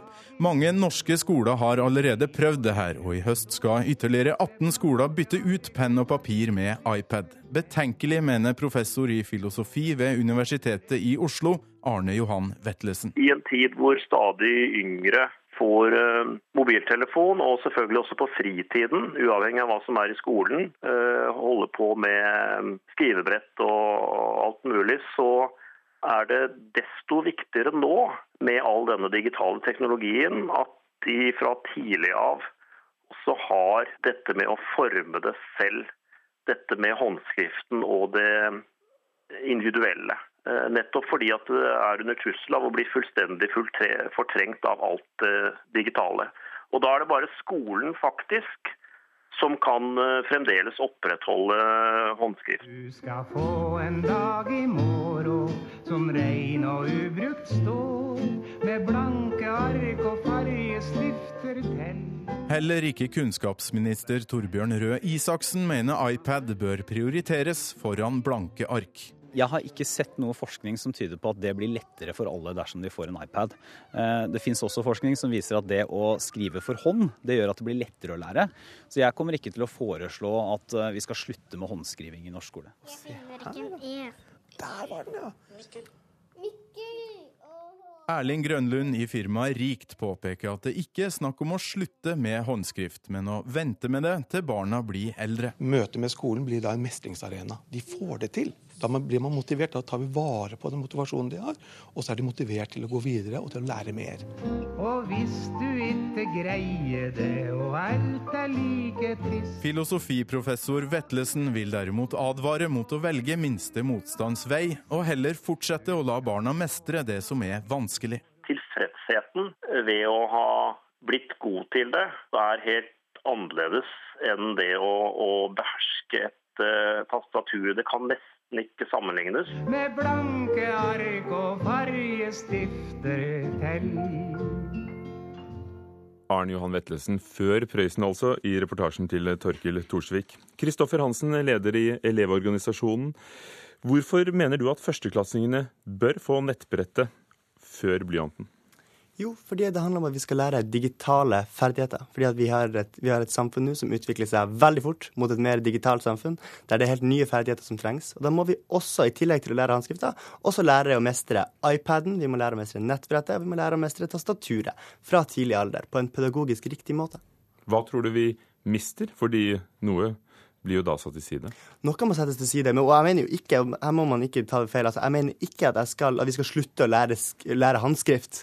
Ikke engang i første klasse skal vi slutte å lære håndskrift, men vi skal bruke mer tid på å lære å bruke nettbrett og bruke digitale læringsressurser, og også tastaturet. Det vi mister eventuelt, det må være løkkeskrifta kanskje, men den tror jeg mer tilhører fortida, og så er det nettbrettet som tilhører fremtida. Mathilde Tybring-Gjedde, sentralstyremedlem i Oslo Unge Høyre og eh, medlem i utdanningskomiteen i Høyre. Hva, hva, hva synes du om eh, holdningen til nettfritt? Ja, altså Først vil jeg bare si at dette er jo ikke en debatt om hvorvidt vi skal ha digitale ferdigheter inn i skolen eller ikke, for det er jo alle for. Men dette er jo debatt om hvilke metoder man skal gjøre for at elever i første og andre klasse skal lære seg å lese og skrive. Og her må vi huske at Det er først og fremst snakk om et virkemiddel, der målet er at man skal klare grunnleggende ferdigheter. Og Når vi vet hvor viktig det er å lese og skrive for at man skal kunne fullføre skoleløpet, så må man også være litt forsiktig med å komme med sånne store omveltninger og detaljstyringer av hvilke metoder læreren skal bruke i undervisningen. Det de sier i Finland, er jo at de baserer seg på forskning som viser at det går raskere å lære seg å lese hvis du begynner med skrivingen, og begynner med skrivingen eh, med tastatur. Altså, Nå er jo ikke jeg forsker, men det som forskningen viser, er at det er ganske mye sprikende, sprikende ulike uenigheter om hvorvidt det hjelper eller ikke. F.eks. så mener jo Nasjonalt senter for leseopplæring og leseforskning at det å skrive har en effekt, for det er en kommunikasjon mellom hjernen og hånden, slik at man faktisk lærer det bedre. Og jeg mener iallfall at vi ikke har noe klar forskning på at dette er riktig å gjøre. Og så syns jeg faktisk at du har noen skoler i dag som har gode forsøksordninger hvor iPad fungerer. Og så er det de skolene med lærerne som er kjempedyktige og får elevene til å lære å lese og skrive ved vanlig penn og papir. Og da mener jeg faktisk at de bør få bestemme det selv, og så får de heller stå ansvarlig for de resultatene elevene får. Og, og, og, når det er sprik i forskningen, Kristoffer eh, Hansen, så er det vel eh, bra da at kunnskapsminister Røe Isaksen er tilbakeholden, som vi hørte i reportasjen? Nei, tvert imot. Altså, det er ikke Alternativet til å lære eh, å lese og skrive med, med, digitale læremidler er at man ikke bruker det digitale. Og det er jo ingenting som er mer bakstrebersk enn å ikke bruke det digitale. Ja, man sier at forskning er sprikende, men vi, viser, vi har masse forskning også på norske selskaper, internasjonal forskning på norske selskaper som Kreasa, som viser at eh, ved å bruke IKT-baserte læringsressurser allerede nede for de minste barna, så øker de mestringsfølelsen, de øker leselæringa, og de blir gode til å skrive og uttrykke seg på brede former. Altså Her kan man kombinere lyd og bilde og skrift allerede fra liten alder, i stedet for at man kun skal terpe glosene og løkkeskrifta eh, når man er seksåringer. Men alternativet er jo ikke at man skal kun terpe gloser og drive med løkkeskrift. Altså, dette er jo ikke et spørsmål om hva som er moderne. Spørsmålet er hva elevene lærer av. Og da er jeg åpen for at uh, ulike skoler har forsøksordninger, at de prøver ut ulike ting. Engasjerte foreldre, lærere, skoleledere som har lyst til å prøve et iPad. Men så mener jeg samtidig at det er mange skoler som gjør det bra med penn og papir, og at ikke det er staten eller politikerne som skal bestemme hvilke metoder lærerne skal bruke i undervisningen. Men nå står du her med elevenes fremste representant, som ja. ønsker at det, det nyeste blir tatt i bruk overalt. Men Jeg er selvfølgelig positiv til at man skal som sagt, prøve nye ting. Men jeg vil jo gjerne utfordre Elevorganisasjonen på at lærerne er en profesjon, og at de selv bruker metoder i undervisningen i, i samsvar og i samarbeid med andre lærerne på skolen for hva som fungerer best. Ja, men, men, det handler jo om at lærerne de har ikke dette tilgjengelig. For det er så lite villighet blant politikere til å prøve dette nye. Man, man snur bunken, og så gir man ikke lærerne muligheten og forutsetningen for å modernisere undervisninga. Men de har jo sitt eget uh, fag tilgjengelig, sin egen kunnskap tilgjengelig. Er det ikke bra å overlate det nettopp til den nærmeste fagpersonen, og jo. bruke de metodene som de mener virker? Men det som er nytt med digital læring, det er at man trenger mer enn bare kunnskap. Man trenger også noen uh, faktiske forutsetninger. Man trenger et nettverk på skolen, man trenger noen enheter for de minste elevene. Og det er ikke på plass. Når vi da har en kunnskapsminister som er så bakstreversk og ikke ønsker å investere i dette, da får ikke lærerne de forutsetningene de trenger. Er det ikke defensivt fordi skjønnskriften skal jo ikke forsvinne, men vi tar i bruk det siste først? Men Det er ikke en debatt om at vi ikke skal ha IKT eller digitale ferdigheter inn i skolen. Ja, det skjønner vi, men det, er... men det er snakk om hvor skal vi begynne? Fordi mange mener at man leser raskere ved å Men gjøre det på den måten. jeg syns eh, Elevorganisasjonen er inne på noe veldig viktig. For det de nevner, er jo at det er eh, lærernes kompetanse og fagkunnskap som er avgjørende for at elevene lærer eller ikke, også innenfor IKT. Og derfor så mener jo vi at eh, når vi satser på 5000 flere lærere med etter- og videreutdanning, så er det også innenfor IKT-ferdigheter. Hva med forbindelsen mellom håndskrift og tenkning, som vi har hørt om? Er den essensiell? Jeg tror det kanskje det, men som sagt, ikke forsker. Det er viktig at vi lærer å skrive for hånd, men vi skal også lære å skrive på tastatur. Å tenke? Og tenke skal vi også gjøre. Vi Kriti- vi skal tenke kritisk fra vi er små barn. Takk skal dere ha. Kristoffer Hansen, leder i Elevorganisasjonen, og Mathilde Tybring-Gjedde, sentralstyremedlem i Oslo Unge Høyre.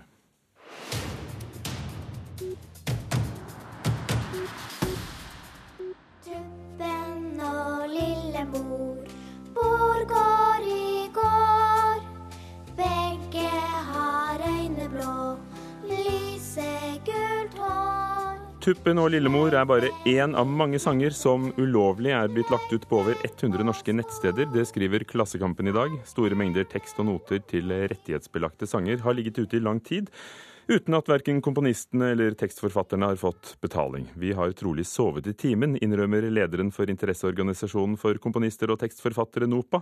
Nå vil organisasjonen stanse både kommersielle sider, barnehager og andre som har lagt ut tekstene uten lov.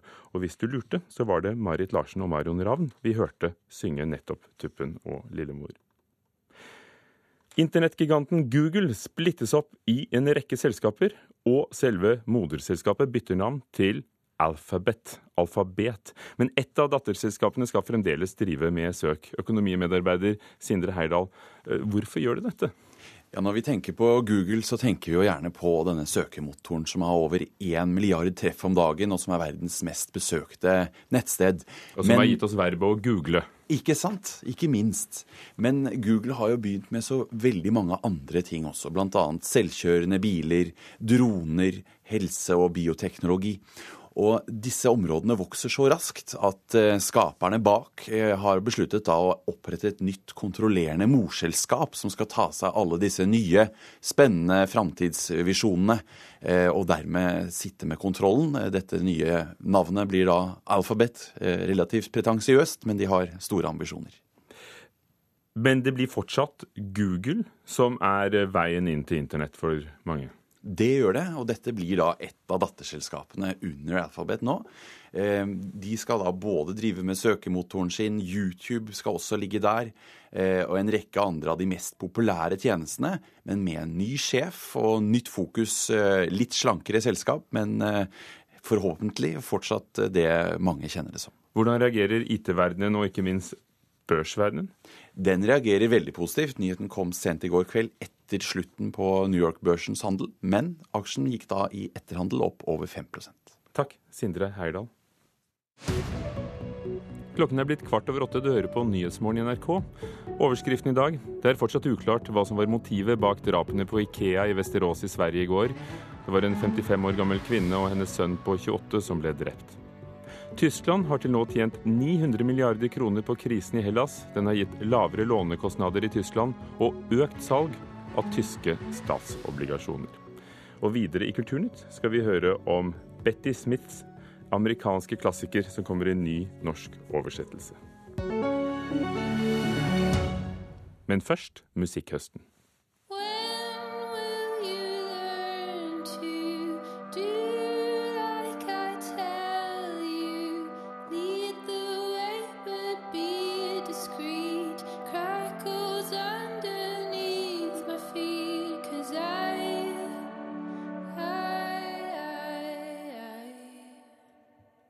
Trine Solli, musikkjournalist i NRK P3. Hvem er det vi hører, og hvorfor hører vi henne? Vi hører norske Farao fordi hun er en av flere bra norske artister som slipper album i høst.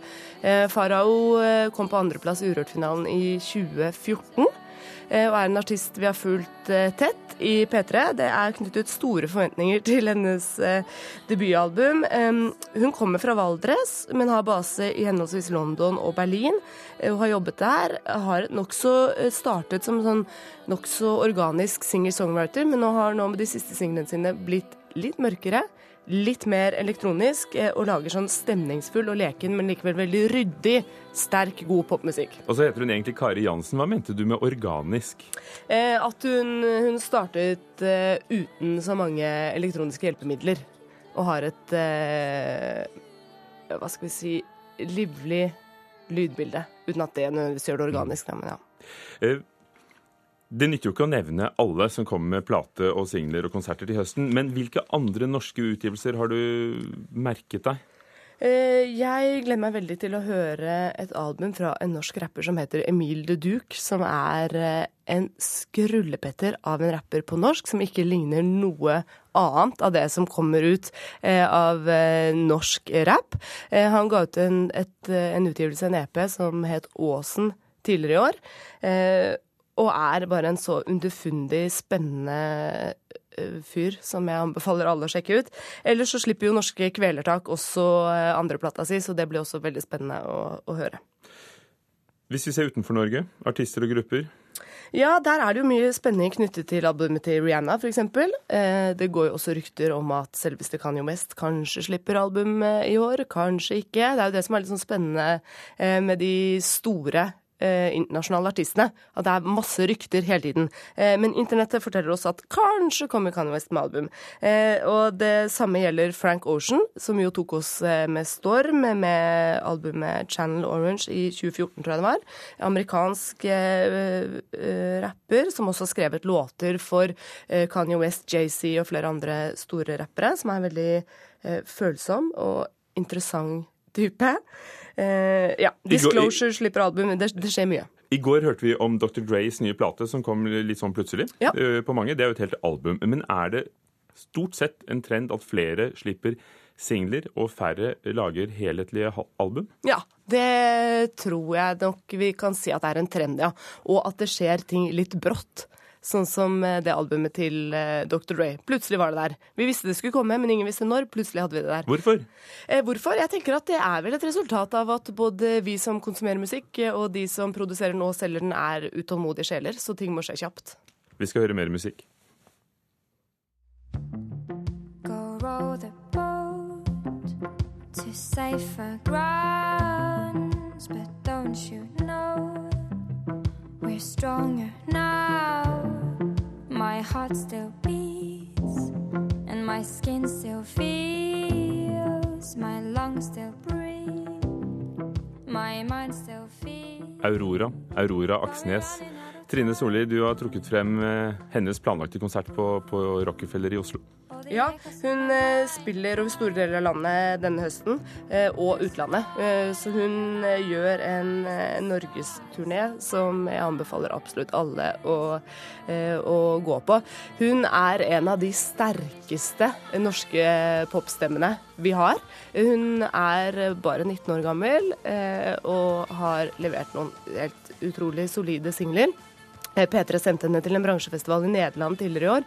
Og det var ganske gøy å stå der eh, som norsk musikkjournalist og se at henne fylle et helt gammelt teater. Folk var stumme av beundring, det var voksne menn gråt. Altså hun er en så dyktig formidler, eh, og som har så sterke låter. Og hun har sjarm og styrke og veldig Alt dette på tross av å være veldig, veldig fersk. Er det en god konserthøst i vente? Ja, nokså god, vil jeg si. Eh, vi kan jo glede oss til Sufjan Stevens, amerikaneren som eh, kommer til Oslo Spektrum. Eh, han var jo så heldig å se i New York tidligere i år, og har jo sluppet et av sine såreste, næreste, mest personlige album eh, eh, nå, så det blir jo veldig spennende. Ellers så har vi jo eh, skotske, eller irske, Soak, som kommer til Oslo. Ariel Pink spiller i Oslo og Trondheim. Det skjer masse, og det blir gøy. Takk, Trine Solli, musikkjournalist i P3. Vi kommer tilbake til det etter hvert. La oss gjøre det, da.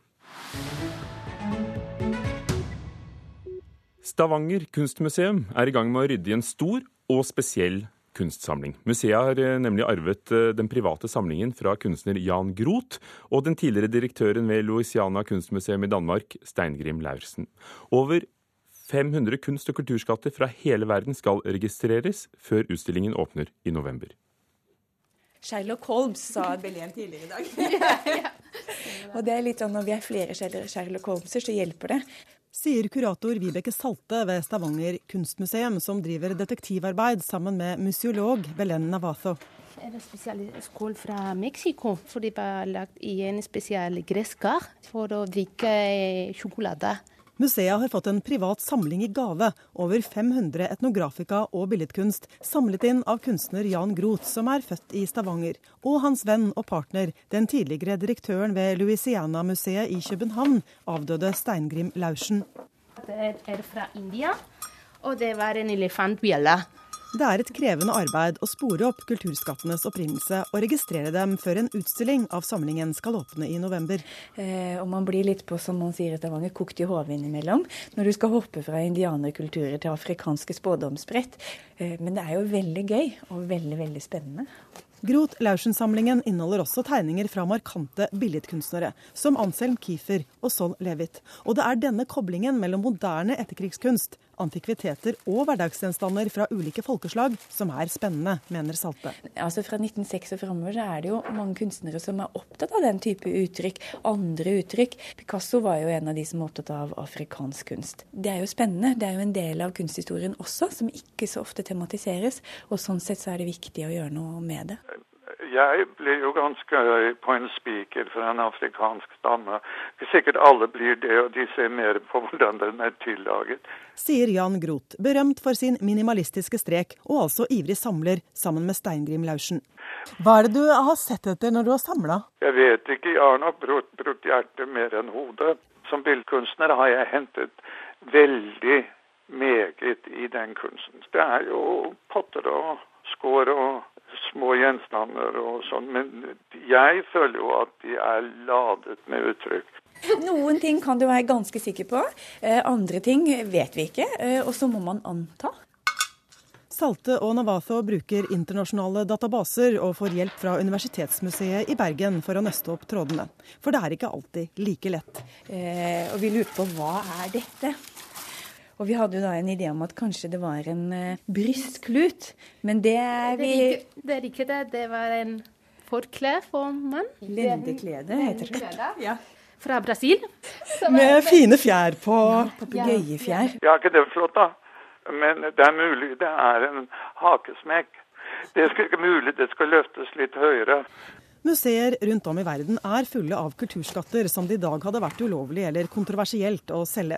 Og også i denne samlingen er et klenodium. Det er en inskripsjon fra kong Sutru Nahonte. Nahonte ja. Mm. Den, den, inneholder ikke ulovlige elementer. Men f.eks.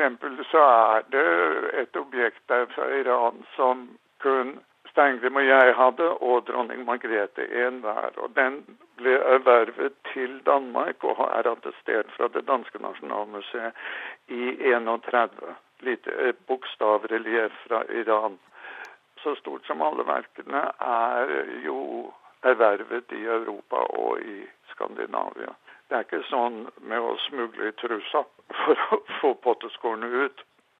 Kunstner Jan Groth og utstillingen med hans og Steingrim Laursens samling åpner 6.11. i Stavanger. Reporter Anette Johansen Espeland. En amerikansk klassiker kommer på norsk i rekken av eldre bøker som kommer på nytt. Stoner var en av dem i fjor. Kommer nå 'Det vokser et tre i Brooklyn' av Betty Smith. En historie om å vokse opp i New York før første verdenskrig. Oversetter Vibeke Saugestad, god morgen. God morgen. Det var du som ivret for å få boken ut på norsk. Hvorfor, hvorfor brenner du for denne? Uh, ja, altså det var uh, Jeg leste den kanskje for første gang for uh, fire-fem år siden. og det var en bok som traff meg så umiddelbart. Jeg hadde akkurat flyttet til, til USA. Og det var en bok som jeg skjønte at alle hadde lest, og som alle elsket. Og den traff meg eh, like mye. Det er en veldig varm, menneskelig, gripende bok som er veldig tidløs, kan man si. Og som fortsatt griper i dag. Den handler om en ung jente som vokser opp i Brooklyn som den smeltedigel eh, det var eh, på like over århundreskiftet. Det begynner i 1912. Det er et ganske annet Brooklyn enn det enten noen kjenner eller har hørt om med hipstere i rutete skjorter og rare hatter? Det kan man si. Den foregår akkurat der hvor, hvor, hvor hipstersentrum er nå, i Williamsburg i, i, Brooklyn. Og det er ganske annerledes. Francie og hennes familie er irske immigranter, eh, katolikker. Eh, og man, hun vokser opp og må jo være veldig mye voksnere enn det. Hun er jo et barn, men eh, ser og opplever mye vanskelig fattigdom, alkoholisme. Men det, det som er spesielt med denne boken, er at den er så voldsomt menneskelig, og jeg liker så godt språket i den. Det er ikke en bok jeg synes, I forordet til den versjonen som jeg leste, så sto det det er ingen prangende bok litterært sett, siden er ikke spekket med metaforer og similer eller lyden av en forfatterstemme som er forelsket i sin egen musikk. Den er bare eh, den har et, Du nevnte det vi snakket om tidligere, persongalleriet. Man treffer veldig mange interessante personer, og hun bygger opp deres bakgrunn. Og man får en sånn kjærlighet til dem. Uh, og boken er tydelig skrevet med kjærlighet, et kjærlighet til Brooklyn. Uh, og det er jo også delvis autobiografisk, dette. Betty Smith er en ganske utypisk forfatter. Hun skrev noen bøker siden som ikke fikk like mye oppmerksomhet, mens denne solgte jo i, i over seks millioner eksemplarer før hun døde i 1972. Er det noen for likheter mellom Harper Lee, som det har vært en del snakk om, og Drepe en sangfugl? Jeg tror det at den maler et, veldig, et tidsbilde. Den flytter deg tilbake til Brooklyn uh, rundt uh, århundreskiftet. Akkurat som Harper Lee flytter deg til uh, The South og, og um, Jeg tror det at du du kommer dit du, Jeg fikk den der barndommens leseropplevelse, eh, hvor du liksom blir flyttet inn i boken, du kjenner lukter, eh, smaker, du føler at du er der. Eh, og det eh, er det ikke alle bøker som gjør. Eh. Men, men, hvordan gjør du dette til norsk, som både speiler den tiden, det begynner i 1912, eh, og samtidig er vårt språk? Det er veldig viktig, selvfølgelig, og det, det som var det mest krevende synes jeg i denne boken, var å overføre denne stemningen. For det er jo det som, som griper folk når de leser den. Eh, viktig, og man må, Det man må tenke litt på, er at man kan ikke bruke for moderne ord. Eh, det vil bare lugge. Så hele tiden så må man Det skal heller ikke bli for gammeldags. Det skal gi en sånn tidskoloritt, ikke sant? For eksempel så drev jeg og, og lurte lenge på om jeg skulle bruke trikk eller sporvogn. Eh, det endte med at eh, jeg brukte litt av begge deler. Sigbjørn Obstfelle var det en, en, kollega av meg som, som, sa eh, Vi har en sånn ring hvor vi sender inn spørsmål, oversetter spørsmål. Han sa Obstfelle brukte trikk, så man kan fint bruke begge deler. Men jeg bruker også sporvogn for å gi det der litt gammeldagse preget. Uttrykk som dæsken, steike, gresslig, gammel tellemåte, gammel stavemåte. Eh, sånne ting Jeg gir en litt... til gresslig. Ja. Vibeke Saugestad, mange kjenner deg som eh, rockemusiker. Hva er forbindelsen mellom litteratur og musikk når du oversetter? Jeg, uh, kjenner, jeg har veldig nytte av musikaliteten i, i det å oversette. Det er en, en, flyt, det skal være en flyt, det skal være en, en spesiell tone, og det, der tror jeg bruker musikaliteten min, helt klart. Takk, Vibeke Saugestad. 'Det vokser i tre i Brooklyn' av Betty Smith har du oversatt. Vidar Sem var produsent for Kulturnytt. Hilde Tosterud teknisk ansvarlig. Ugo Fermarello programleder. Du lytter til Nyhetsmorgen i NRK. Klokken er halv ni.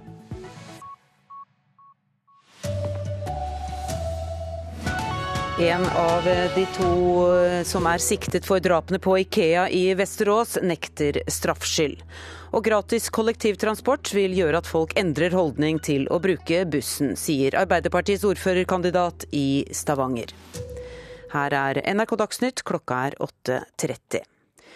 Den ene av de to mennene som er siktet for drap på to personer på en Ikea-butikk i Vesterås i Sverige i går, nekter straffskyld. Det opplyser aktor i saken, Eva Morén, til avisa Ekspressen. Ifølge avisa Vestmannlens Lens Tidning ble en 55 eh, år gammel kvinne og sønnen hennes på 28 angrepet med kniv i varehusets kjøkkenavdeling. Politiet tror ikke de to kjente ofrene. Utover det vil de si lite, forteller reporter i Vesterås, Maria Knopp Viksnes. Eh, de kaller det såkalt en gæren hendelse, eller en galen hending. Eh, og at dette kom helt eh, uforberedt, og at det ikke virker planlagt, og at ofrene virker veldig tilfeldig utvalgt på Ikea. Hva skal skje videre nå? Det er forventet at politiet skal komme med mer informasjon om både motiv og gjerningspersonene i dag. Eh, når og hvor eh, og om dette kommer til å skje, det vet man ikke. Eh, ellers så vil etterforskningen fortsette. Ikea holder stengt, men kjøpesenteret som Ikea er en del av, vil, vil holde åpent for kunder i dag.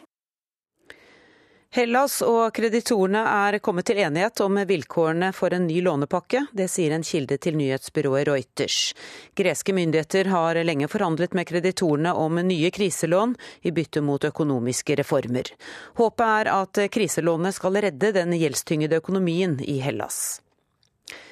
Gratis kollektivtransport vil gjøre at folk endrer holdning til å bruke bussen. Det hevder Arbeiderpartiets ordførerkandidat i Stavanger, Cecilie Bjelland. Arbeiderpartiet i Stavanger går til valg på å innføre prøveprosjekter med gratis busstransport. Vi snakker om hvordan vi skal få brukt dette tilbudet. I dag har vi en dekning på ca. 10% som bruker kollektiv i vår region. Og 30% av utnyttelsesgraden brukes på bussene. Det betyr at 70% av setene som i dag er på bussene, de er tomme. Vi har altså en masse ledig kapasitet, og da handler det om en holdningsendring. Det å få folk til å tenke annerledes. Og da må vi ha ned terskelen for at folk skal begynne å bruke kollektiv. Sa Cecilie Bjelland. Nettsteder vil i år tape 180 milliarder kroner fordi folk har programmer som blokkerer nettannonser. Det mener et selskap som jobber med å måle hvor mye penger selskaper taper fordi kundene ikke ser reklamene deres på nettet. 198 millioner mennesker verden over har installert slik programvare. NRK Dagsnytt, Kari Ørstavik.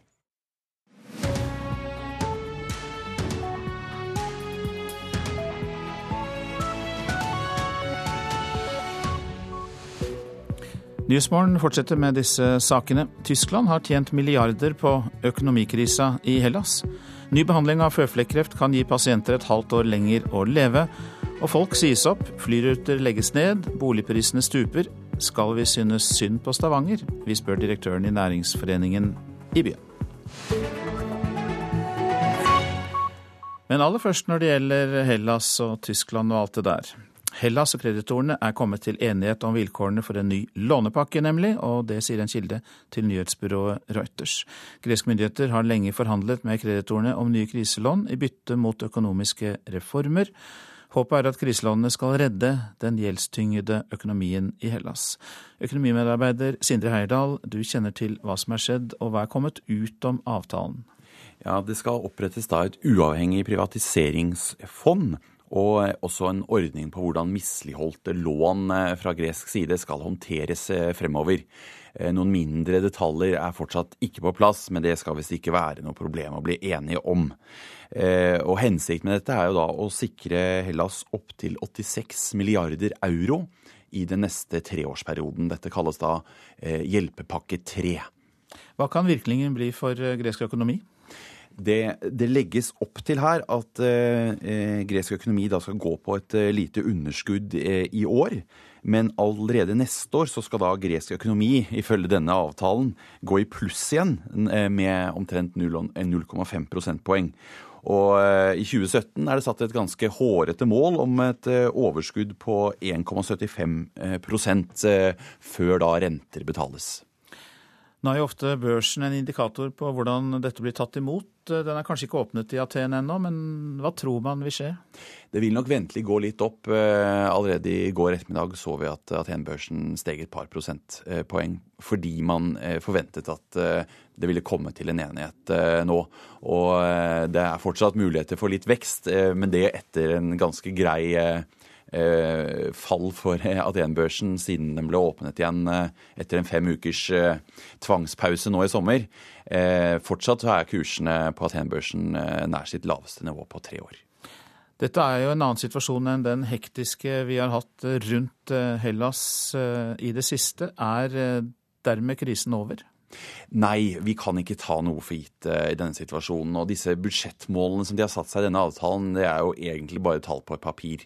Uh, man kan håpe at det går gjennom, men uh, det har jo vist seg før vanskelig å planlegge for Hellas sin del. Og det har vært mange runder og mange såkalte ferdigspikrede løsninger som viser seg å ikke holde stikk. Det kan skje igjen, men det er klart at en frisk tilførsel av penger er i hvert fall en god start. Men IMF som en organisasjon har jo også sagt at eh, det er umulig for Hellas å komme på fot igjen uten reelle gjeldskutt. Eh, så det gjenstår å se hvor effektivt dette blir i praksis. Mange takk, Sindre Heirdal. Du er økonomimedarbeider hos eh, oss. Og vi fortsetter med samme tematikken, for Tyskland skal ha tjent 900 milliarder kroner på økonomikrisa i Hellas.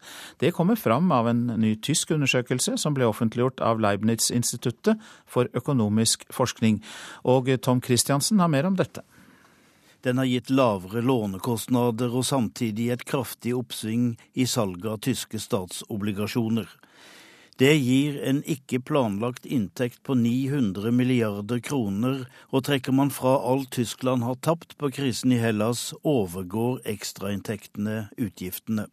Tenketanken viser til at uroen rundt Hellas har fått investorer i finansmarkedene til å søke tryggere investeringer, og dem har de funnet i tyske statsobligasjoner. Tyskland har kunnet sette ned renta på obligasjonene, noe som har fått det tyske nasjonalproduktet til å vokse.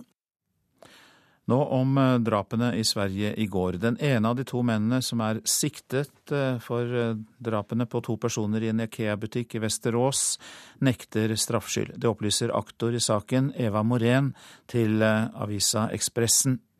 Og ifølge avisa Vestmannlands Lens Tidning så ble en 55 år gammel kvinne og sønnen hennes på 28 år angrepet med kniv på varehusets kjøkkenavdeling og døde av skadene.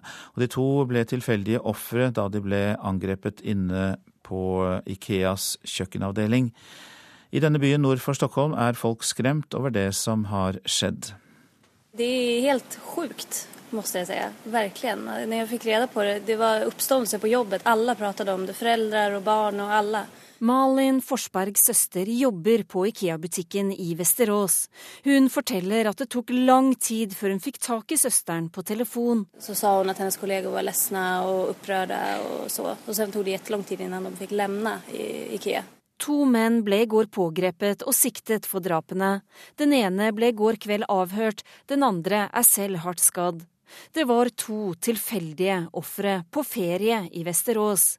Ifølge Vestmannlandstidningen var ofrene en 55 år gammel mor og hennes 28 år gamle sønn som ble angrepet i Ikeas kjøkkenavdeling. Politiet har foreløpig ikke bekreftet dette. De to gjerningsmennene på 35 og 23 år er ikke kjent av politiet fra før. Motivet er fortsatt ikke klart, sier Per Ågren, områdesjef ved politiet i Vesterås. Ja, vi fortsetter utredningsarbeidet. Det er jo langt ifrån ferdig bare for at vi har to anholdne. Utan hva vi skal gjøre nå, er å ferdigstille utredningen der vi kan klargjøre hva var det som hendte, hvorfor hendte det, og hvem var det som gjorde det. Malin Forsberg sier hun blir utrygg av dette. Man kommer jo være litt urolig når man åker til Ikea neste gang, eller man kommer jo kolla rundt. og Det kjennes jo sjukt der man er så ofte, liksom. Reportere her Ellen Omland og Ida De Rosa. En ny behandlingsform mot eh, føflekkreft kan gi pasienter et halvt år lenger å leve, mener flere kreftleger. Behandlingen er ennå ikke godkjent her i landet, men eh, den er det største som har skjedd innen kreftforskning de siste årene, sier overlege ved Ahus Jürgen Geisler. Småbarnspappa Ove Harlem er kreftsyk og vet at hver ekstra dag teller. Jeg har lyst til å leve, jeg vil ikke gå glipp av noe. Jeg er ikke redd for å dø, jeg er redd for å ikke leve nok. Det var i fjor sommer 45 år gamle Ove Harlem fikk påvist føflekkreft for andre gang. Kreften er hissig, og den har spredd seg, var beskjeden han fikk på sykehuset. Den dagen de sa til meg at du, du, du blir aldri frisk igjen, så begynte jeg å ta det litt innover meg etter hvert. Og, og, og, begynte å innse at OK, jeg blir aldri frisk igjen, jeg. For jeg har uh, hatt en oppfatning at jeg skal bli her til jeg er 100 år, jeg. Halvparten av dem som får føflekkreft, får typen BRAF-mutasjon, som er den samme som Ove har. Den nye behandlingen, som er en kombinasjon av legemidlene Mekinist og Tafinlar, kan forlenge levetiden deres med et halvt år. Jørgen Geisler, som er professor og overlege ved Ahus, er en av flere kreftleger som mener den er svært god. Dette er et kjempegjennombrudd. Det er ikke meningen med denne behandlingen her å helbrede pasientene. Det er meningen å hente dem ut av en akutt livstruende situasjon. I dag mottar flere norske pasienter behandlingen gjennom programmet Compassionate Use. Behandlingen er i ferd med å bli godkjent i Europa, og den får svært god omtale av legetidsskrifter og av norske kreftleger. Den er ennå ikke godkjent i Norge, og avdelingsdirektør i Legemiddelverket, Elisabeth Bryn, forteller at Kunnskapssenteret vurderer flere ulike behandlinger opp mot hverandre. Mange av disse nye kreftlegemidlene er veldig dyre. Og så er det kommet veldig mange nye legemidler de viktigste elementene i den analysen er eh, effekt, bivirkninger og kostnader. Geisler er likevel ikke i tvil om at dette er den beste behandlingen, og at den bør bli en del av det faste behandlingsprogrammet. Det til tross for at mange pasienter etter hvert blir resistente mot behandlingen. Du får klinisk respons fra én dag til neste mer eller mindre hos ca. 80% av pasientene. Altså de som er i en livstruende situasjon. De som dør innen noen uker, noen få måneder, de kan bli hentet ut av den situasjonen og kontrollere sykdommen fullstendig. Og det er i hvert fall hos ca. tre av fire pasienter. Utprøvende behandling som kan forlenge livet, betyr svært mye for Ove Harlem, som vet at han ikke blir frisk. Selv om han ikke får akkurat denne behandlingen, er han glad for at det stadig skjer fremskritt i kreftforskningen. Nå nyter han hver ekstra dag han får sammen med kona og datteren Ovidia. Jeg er veldig redd for at hun ikke skal huske meg. Eller jeg forventer jo ikke heller når hun er ni måneder å huske meg, men når hun sitter som tiåring, så har hun ikke noe egentlig eget minne fra meg. da. Så jeg jobber jo hardt, eller strever jo rett og slett for å på en måte ønsker og drømmer jo om at jeg skal klare å få lov til å være her lenge. Men vi har ingen garanti på det. da. Ove Harlem sa det, og reportere var eh, Randi Midtskog, Pål Wergeland og Nikolai Delebekk. Nordmenn burde ha fått tilgang til denne kreftbehandlingen tidligere. Det sier Roald Nystad, som er leder i Føflekkreftforeningen. Det som er litt skremmende, er at denne her behandlingen ble godkjent i Amerika allerede i januar 2014, og fremdeles har ikke vi fått orden på det her i Norge. Og Spørsmålet er hvorfor skal det ta så lang tid? Men eh, vi hørte vel også representanten for myndighetene Elisabeth Bryn si at det er snakk om eh, medisinens effekt, eh, bivirkninger, kostnader. Alt dette skal jo vurderes først. Ja, absolutt. Men jeg er redd for at kostnaden er vel kanskje de, eller de elementene som kommer høyest. For det er en fantastisk dyr medisin, og det har jeg forståelse for. Men når man da hører på pasienter, så er egentlig kostnader litt, litt på siden av linjen. For her er det snakk om å kunne få leve lite grann lenger et, et normalt liv. Ja, i gjennomsnitt gir medisinen et halvt år lenger å leve, hørte vi. Men hvorfor er det så viktig med denne litt lengre tiden? Ja, jeg tror både du og jeg, hvis vi fikk spørsmål om vi ville leve et halvt år lenger eller ei, så ville svaret ganske, ganske raskt at uh, lengre levetid er alt for omega. Når det gjelder uh, føflekkreft, hva er ditt inntrykk av uh, framdriften, framgangen i forskningen for å behandle sykdommen? I, I, den senere tid så har det vært veldig positivt, inkludert dette her som har med kombinasjonsbehandlingen å gjøre, og tidligere immunitetsbehandlingen. Og jeg tror eh, med den utviklingen vi har nå, så skjer det veldig veldig mye positivt som er bra for eh, pasientene som kommer i denne kategorien. Hva mener dere i eh, foreningen om hvordan man altså generelt skal bekjempe føflekkreft og få antall sykdomstilfeller ned i utgangspunktet?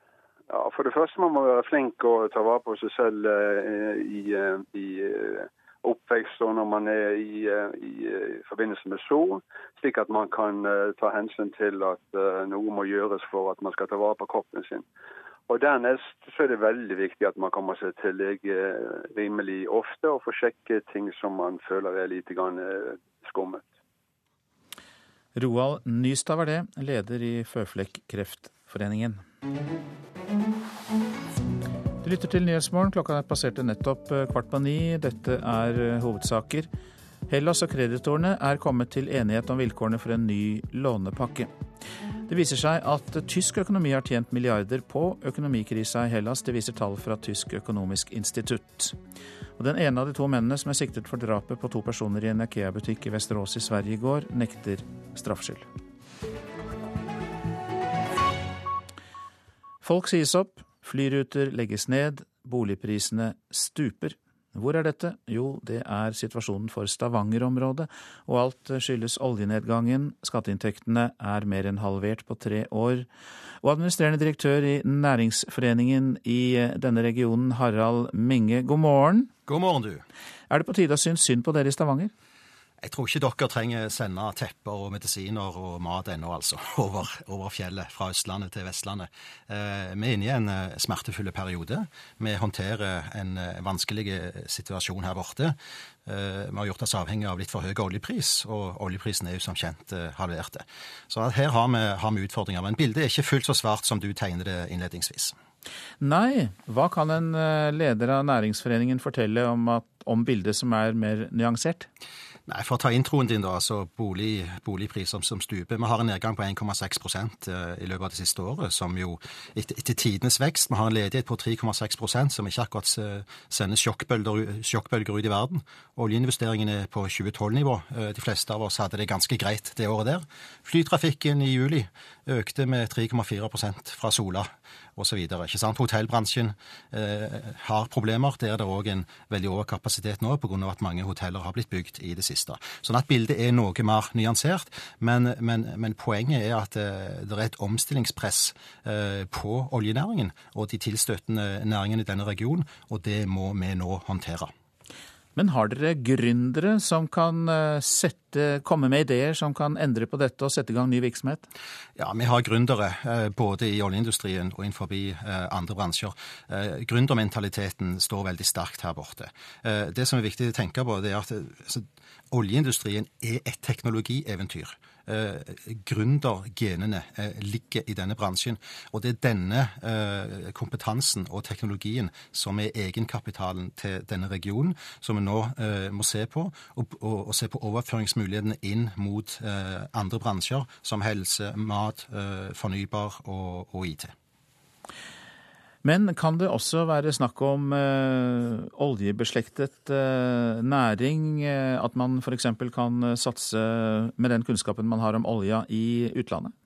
Ja, og så må vi ikke glemme at det, det gjør vi allerede. Altså Den desidert største eh, eksportnæringen til Norge, fire ganger større enn sjømat, er jo oljeteknologi og oljeutstyr. Eh, og Det vil bli en, en voksende industri framover, etter hvert som vi ser eh, et økende behov i etablerte oljeland, men ikke minst de nye landene som, som nå Iran, f.eks. Så det er en industri med stort potensial, ikke minst nå når tidene forbedrer seg om et par år. Ja, for det tror du? Ja, og det, det, tror, vi, det tror, vi, da vil skje. Eh, vi tror at det blir eh, tøft i to år, kanskje enda litt tøffere enn, enn det vi ser i dag. Eh, men vi ser at de, de, mer seriøse analytikerne tror på en oppgang om noen år. Da må vi være klare. Da må vi passe på at vi ikke svartmaler situasjonen for mye. Vi må passe på at det fortsatt er søkere til universitetet vårt på petroleumsfag, at vi har kompetansen som vi trenger. For det blir utfordringen når du jobber i et industrisamfunn som Stavanger-regionen er. Eh, det er en bransje som går opp og ned, det vet vi. Sånn har det vært eh, alltid. Eh, faren er at en kvitter seg med for mye kompetanse når det er litt tyngre tider, og så er en ikke klar til å ta veksten når den kommer tilbake. Takk for den situasjonsrapporten. Harald Minge, du er administrerende direktør i Næringsforeningen i Stavanger-regionen. Og vi holder oss i Stavanger, for Arbeiderpartiet der går til valg på gratis busstransport. Det vil føre til nødvendige holdningsendringer, hevder partiets ordførerkandidat Cecilie Bjelland. Vi snakker om hvordan vi skal få brukt dette tilbudet. I dag har vi en dekning på ca. 10% som bruker kollektiv i vår region. Og 30% av utnyttelsesgraden brukes på bussene. Det betyr at 70% av setene som i dag er på bussene, de er tomme. Vi har altså en masse ledig kapasitet, og da handler det om en holdningsendring. Det å få folk til å tenke annerledes, og da må vi ha ned terskelen for at folk skal begynne å bruke kollektiv. Terje Halleland. Du er fylkesvaraordfører i Rogaland for Fremskrittspartiet og mener at eh, dette ikke er en spesielt god idé. Men eh, sammenlikningene mellom storbyene har jo vist at eh, Stavanger-regionen har en kritisk lav kollektivandel sammenlignet med andre byer. Er ikke det på tide å gjøre noe med det? Jo, det er absolutt på tide å gjøre noe med, og det jobber vi med egentlig hele tida. Eh, det som jeg er kritiske til med det som eh, Arbeiderpartiet kommer med, er i grunnen ikke målsettingen. For den tror jeg vi er enige om at vi ønsker at flere skal ta bussen.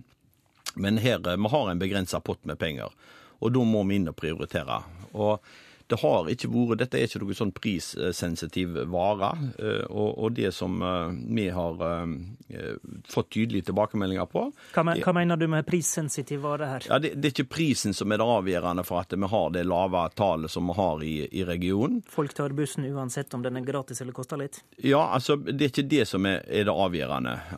Det som vi jobber for å få til, er at bussen må gå når han skal, og at han går ofte, og at han kommer frem i rett tid. Og, og, har vi penger til overs til å prioritere på, på, kollektiv, så er det disse områdene vi kommer til å prioritere.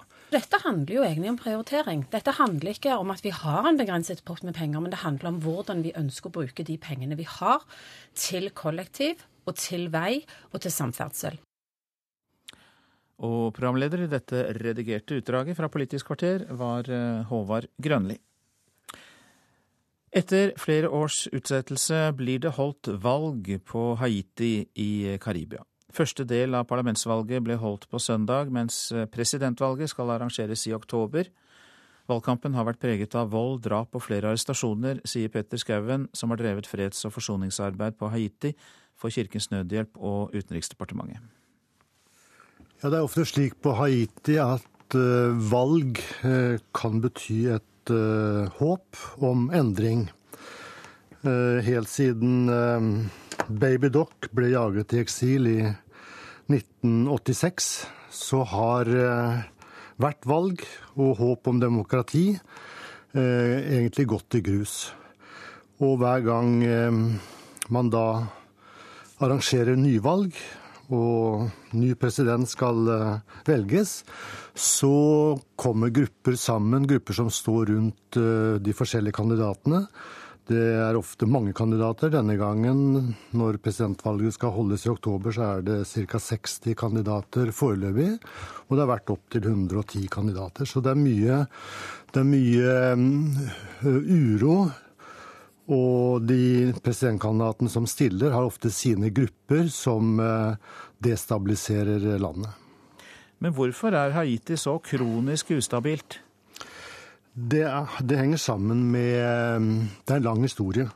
Haiti var det første landet av frigjorte slaver. De fikk sin selvstendighet i 1804.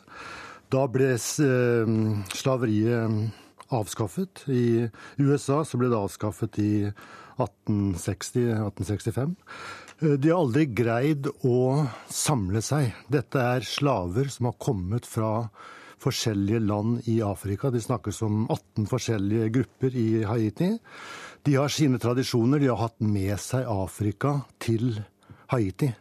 Så Haiti er ofte det mest kompliserte av Afrika, som flyter eh, i Karibien. Og de er eh, fremdeles primitive. Mange mennesker i Haiti, fire-fem millioner, lever primitivt med positiv fortegn. De er fattige. De er stolte av kulturen sin, og de er sultne. Det skaper konflikt. Tidligere forsoningsarbeider på Haiti, det var Petter Skauen. Folk søker seg opp i høyden og mot stadig brattere terreng, for interessen for å gå i fjellet den eh, øker. Men det har også ført til flere redningsaksjoner, og i forrige uke måtte tre kvinner reddes ned fra Snøhetta. Fredag i forrige uke hadde tre kvinner i 40-åra lagt ut på tur med plan om å klatre den såkalte Snøhetta-traversen på Dovrefjell. Men de ble overraska av tåke og dårlig sikt og måtte reddes ned fra fjellet. Innsatsleder Tor Jørgen Bø rapporterte slik fra Snøheim. Disse her damene de eh, er fysisk uskada. Denne turen ble lengre, mer strabasiøs, og um, de ble brukt mer tid enn de trodde. Så totalt sett så var de glade for å få hjelp og bli berga ned igjen. I sommer har det vært en økning i antall oppdrag for de alpine redningsgruppene i Norge. I fjor sommer var de ute på 14 oppdrag, mens de i sommer har vært ute på over 20. Områdene som går igjen er Jotunheimen, Dovrefjell og Lofoten. Mange må reddes ut av klatreterreng, sier Albert Lunde, leder i Nord-Gudbrandsdal alpine redningsgruppe. Så er det jo viktig å, å se at hver enkelt hendelse har sin egen uh, spesielle årsak. Og uten at en skal generalisere for mye, så, så er det i hvert fall uh, noen tilfeller der uh, værforhold eh, spiller inn. Altså vekslende værforhold som gjør at forholdene blir for vanskelige i forhold til det utstyret og den kompetansen som klatrerne har.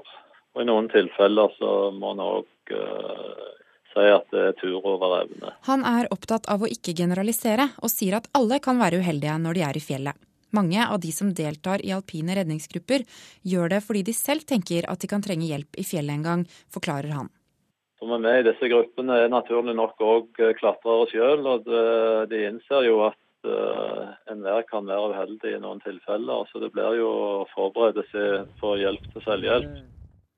Reporter var Ragnhild Moen Holø. Så velkommen til deg, statsmeteorolog Rafael Escobar Løvdahl. Takk for det. Det er et lavtrykk med byger og torden som plager deler av landet, mens andre av oss slipper helt unna. Ja, det ser jo sånn ut. Dette systemet ligger jo eh, på utsiden av Vestlandet. Og på Vestlandet har det nå forlatt store områder, men henger litt inn i nord. Så det vil på Vestlandet minke til en vestlig bris. Fortsatt noen byger, men eh, langt svakere enn hva de var før i dag. Og sør for Boknafjorden går det mot oppholdsvær.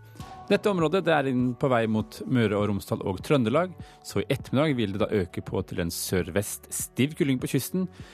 Noen få byger er det nå, men det vil komme inn eh, dette ordentlige systemet i løpet av ettermiddagen og gi tordenvær stedvis.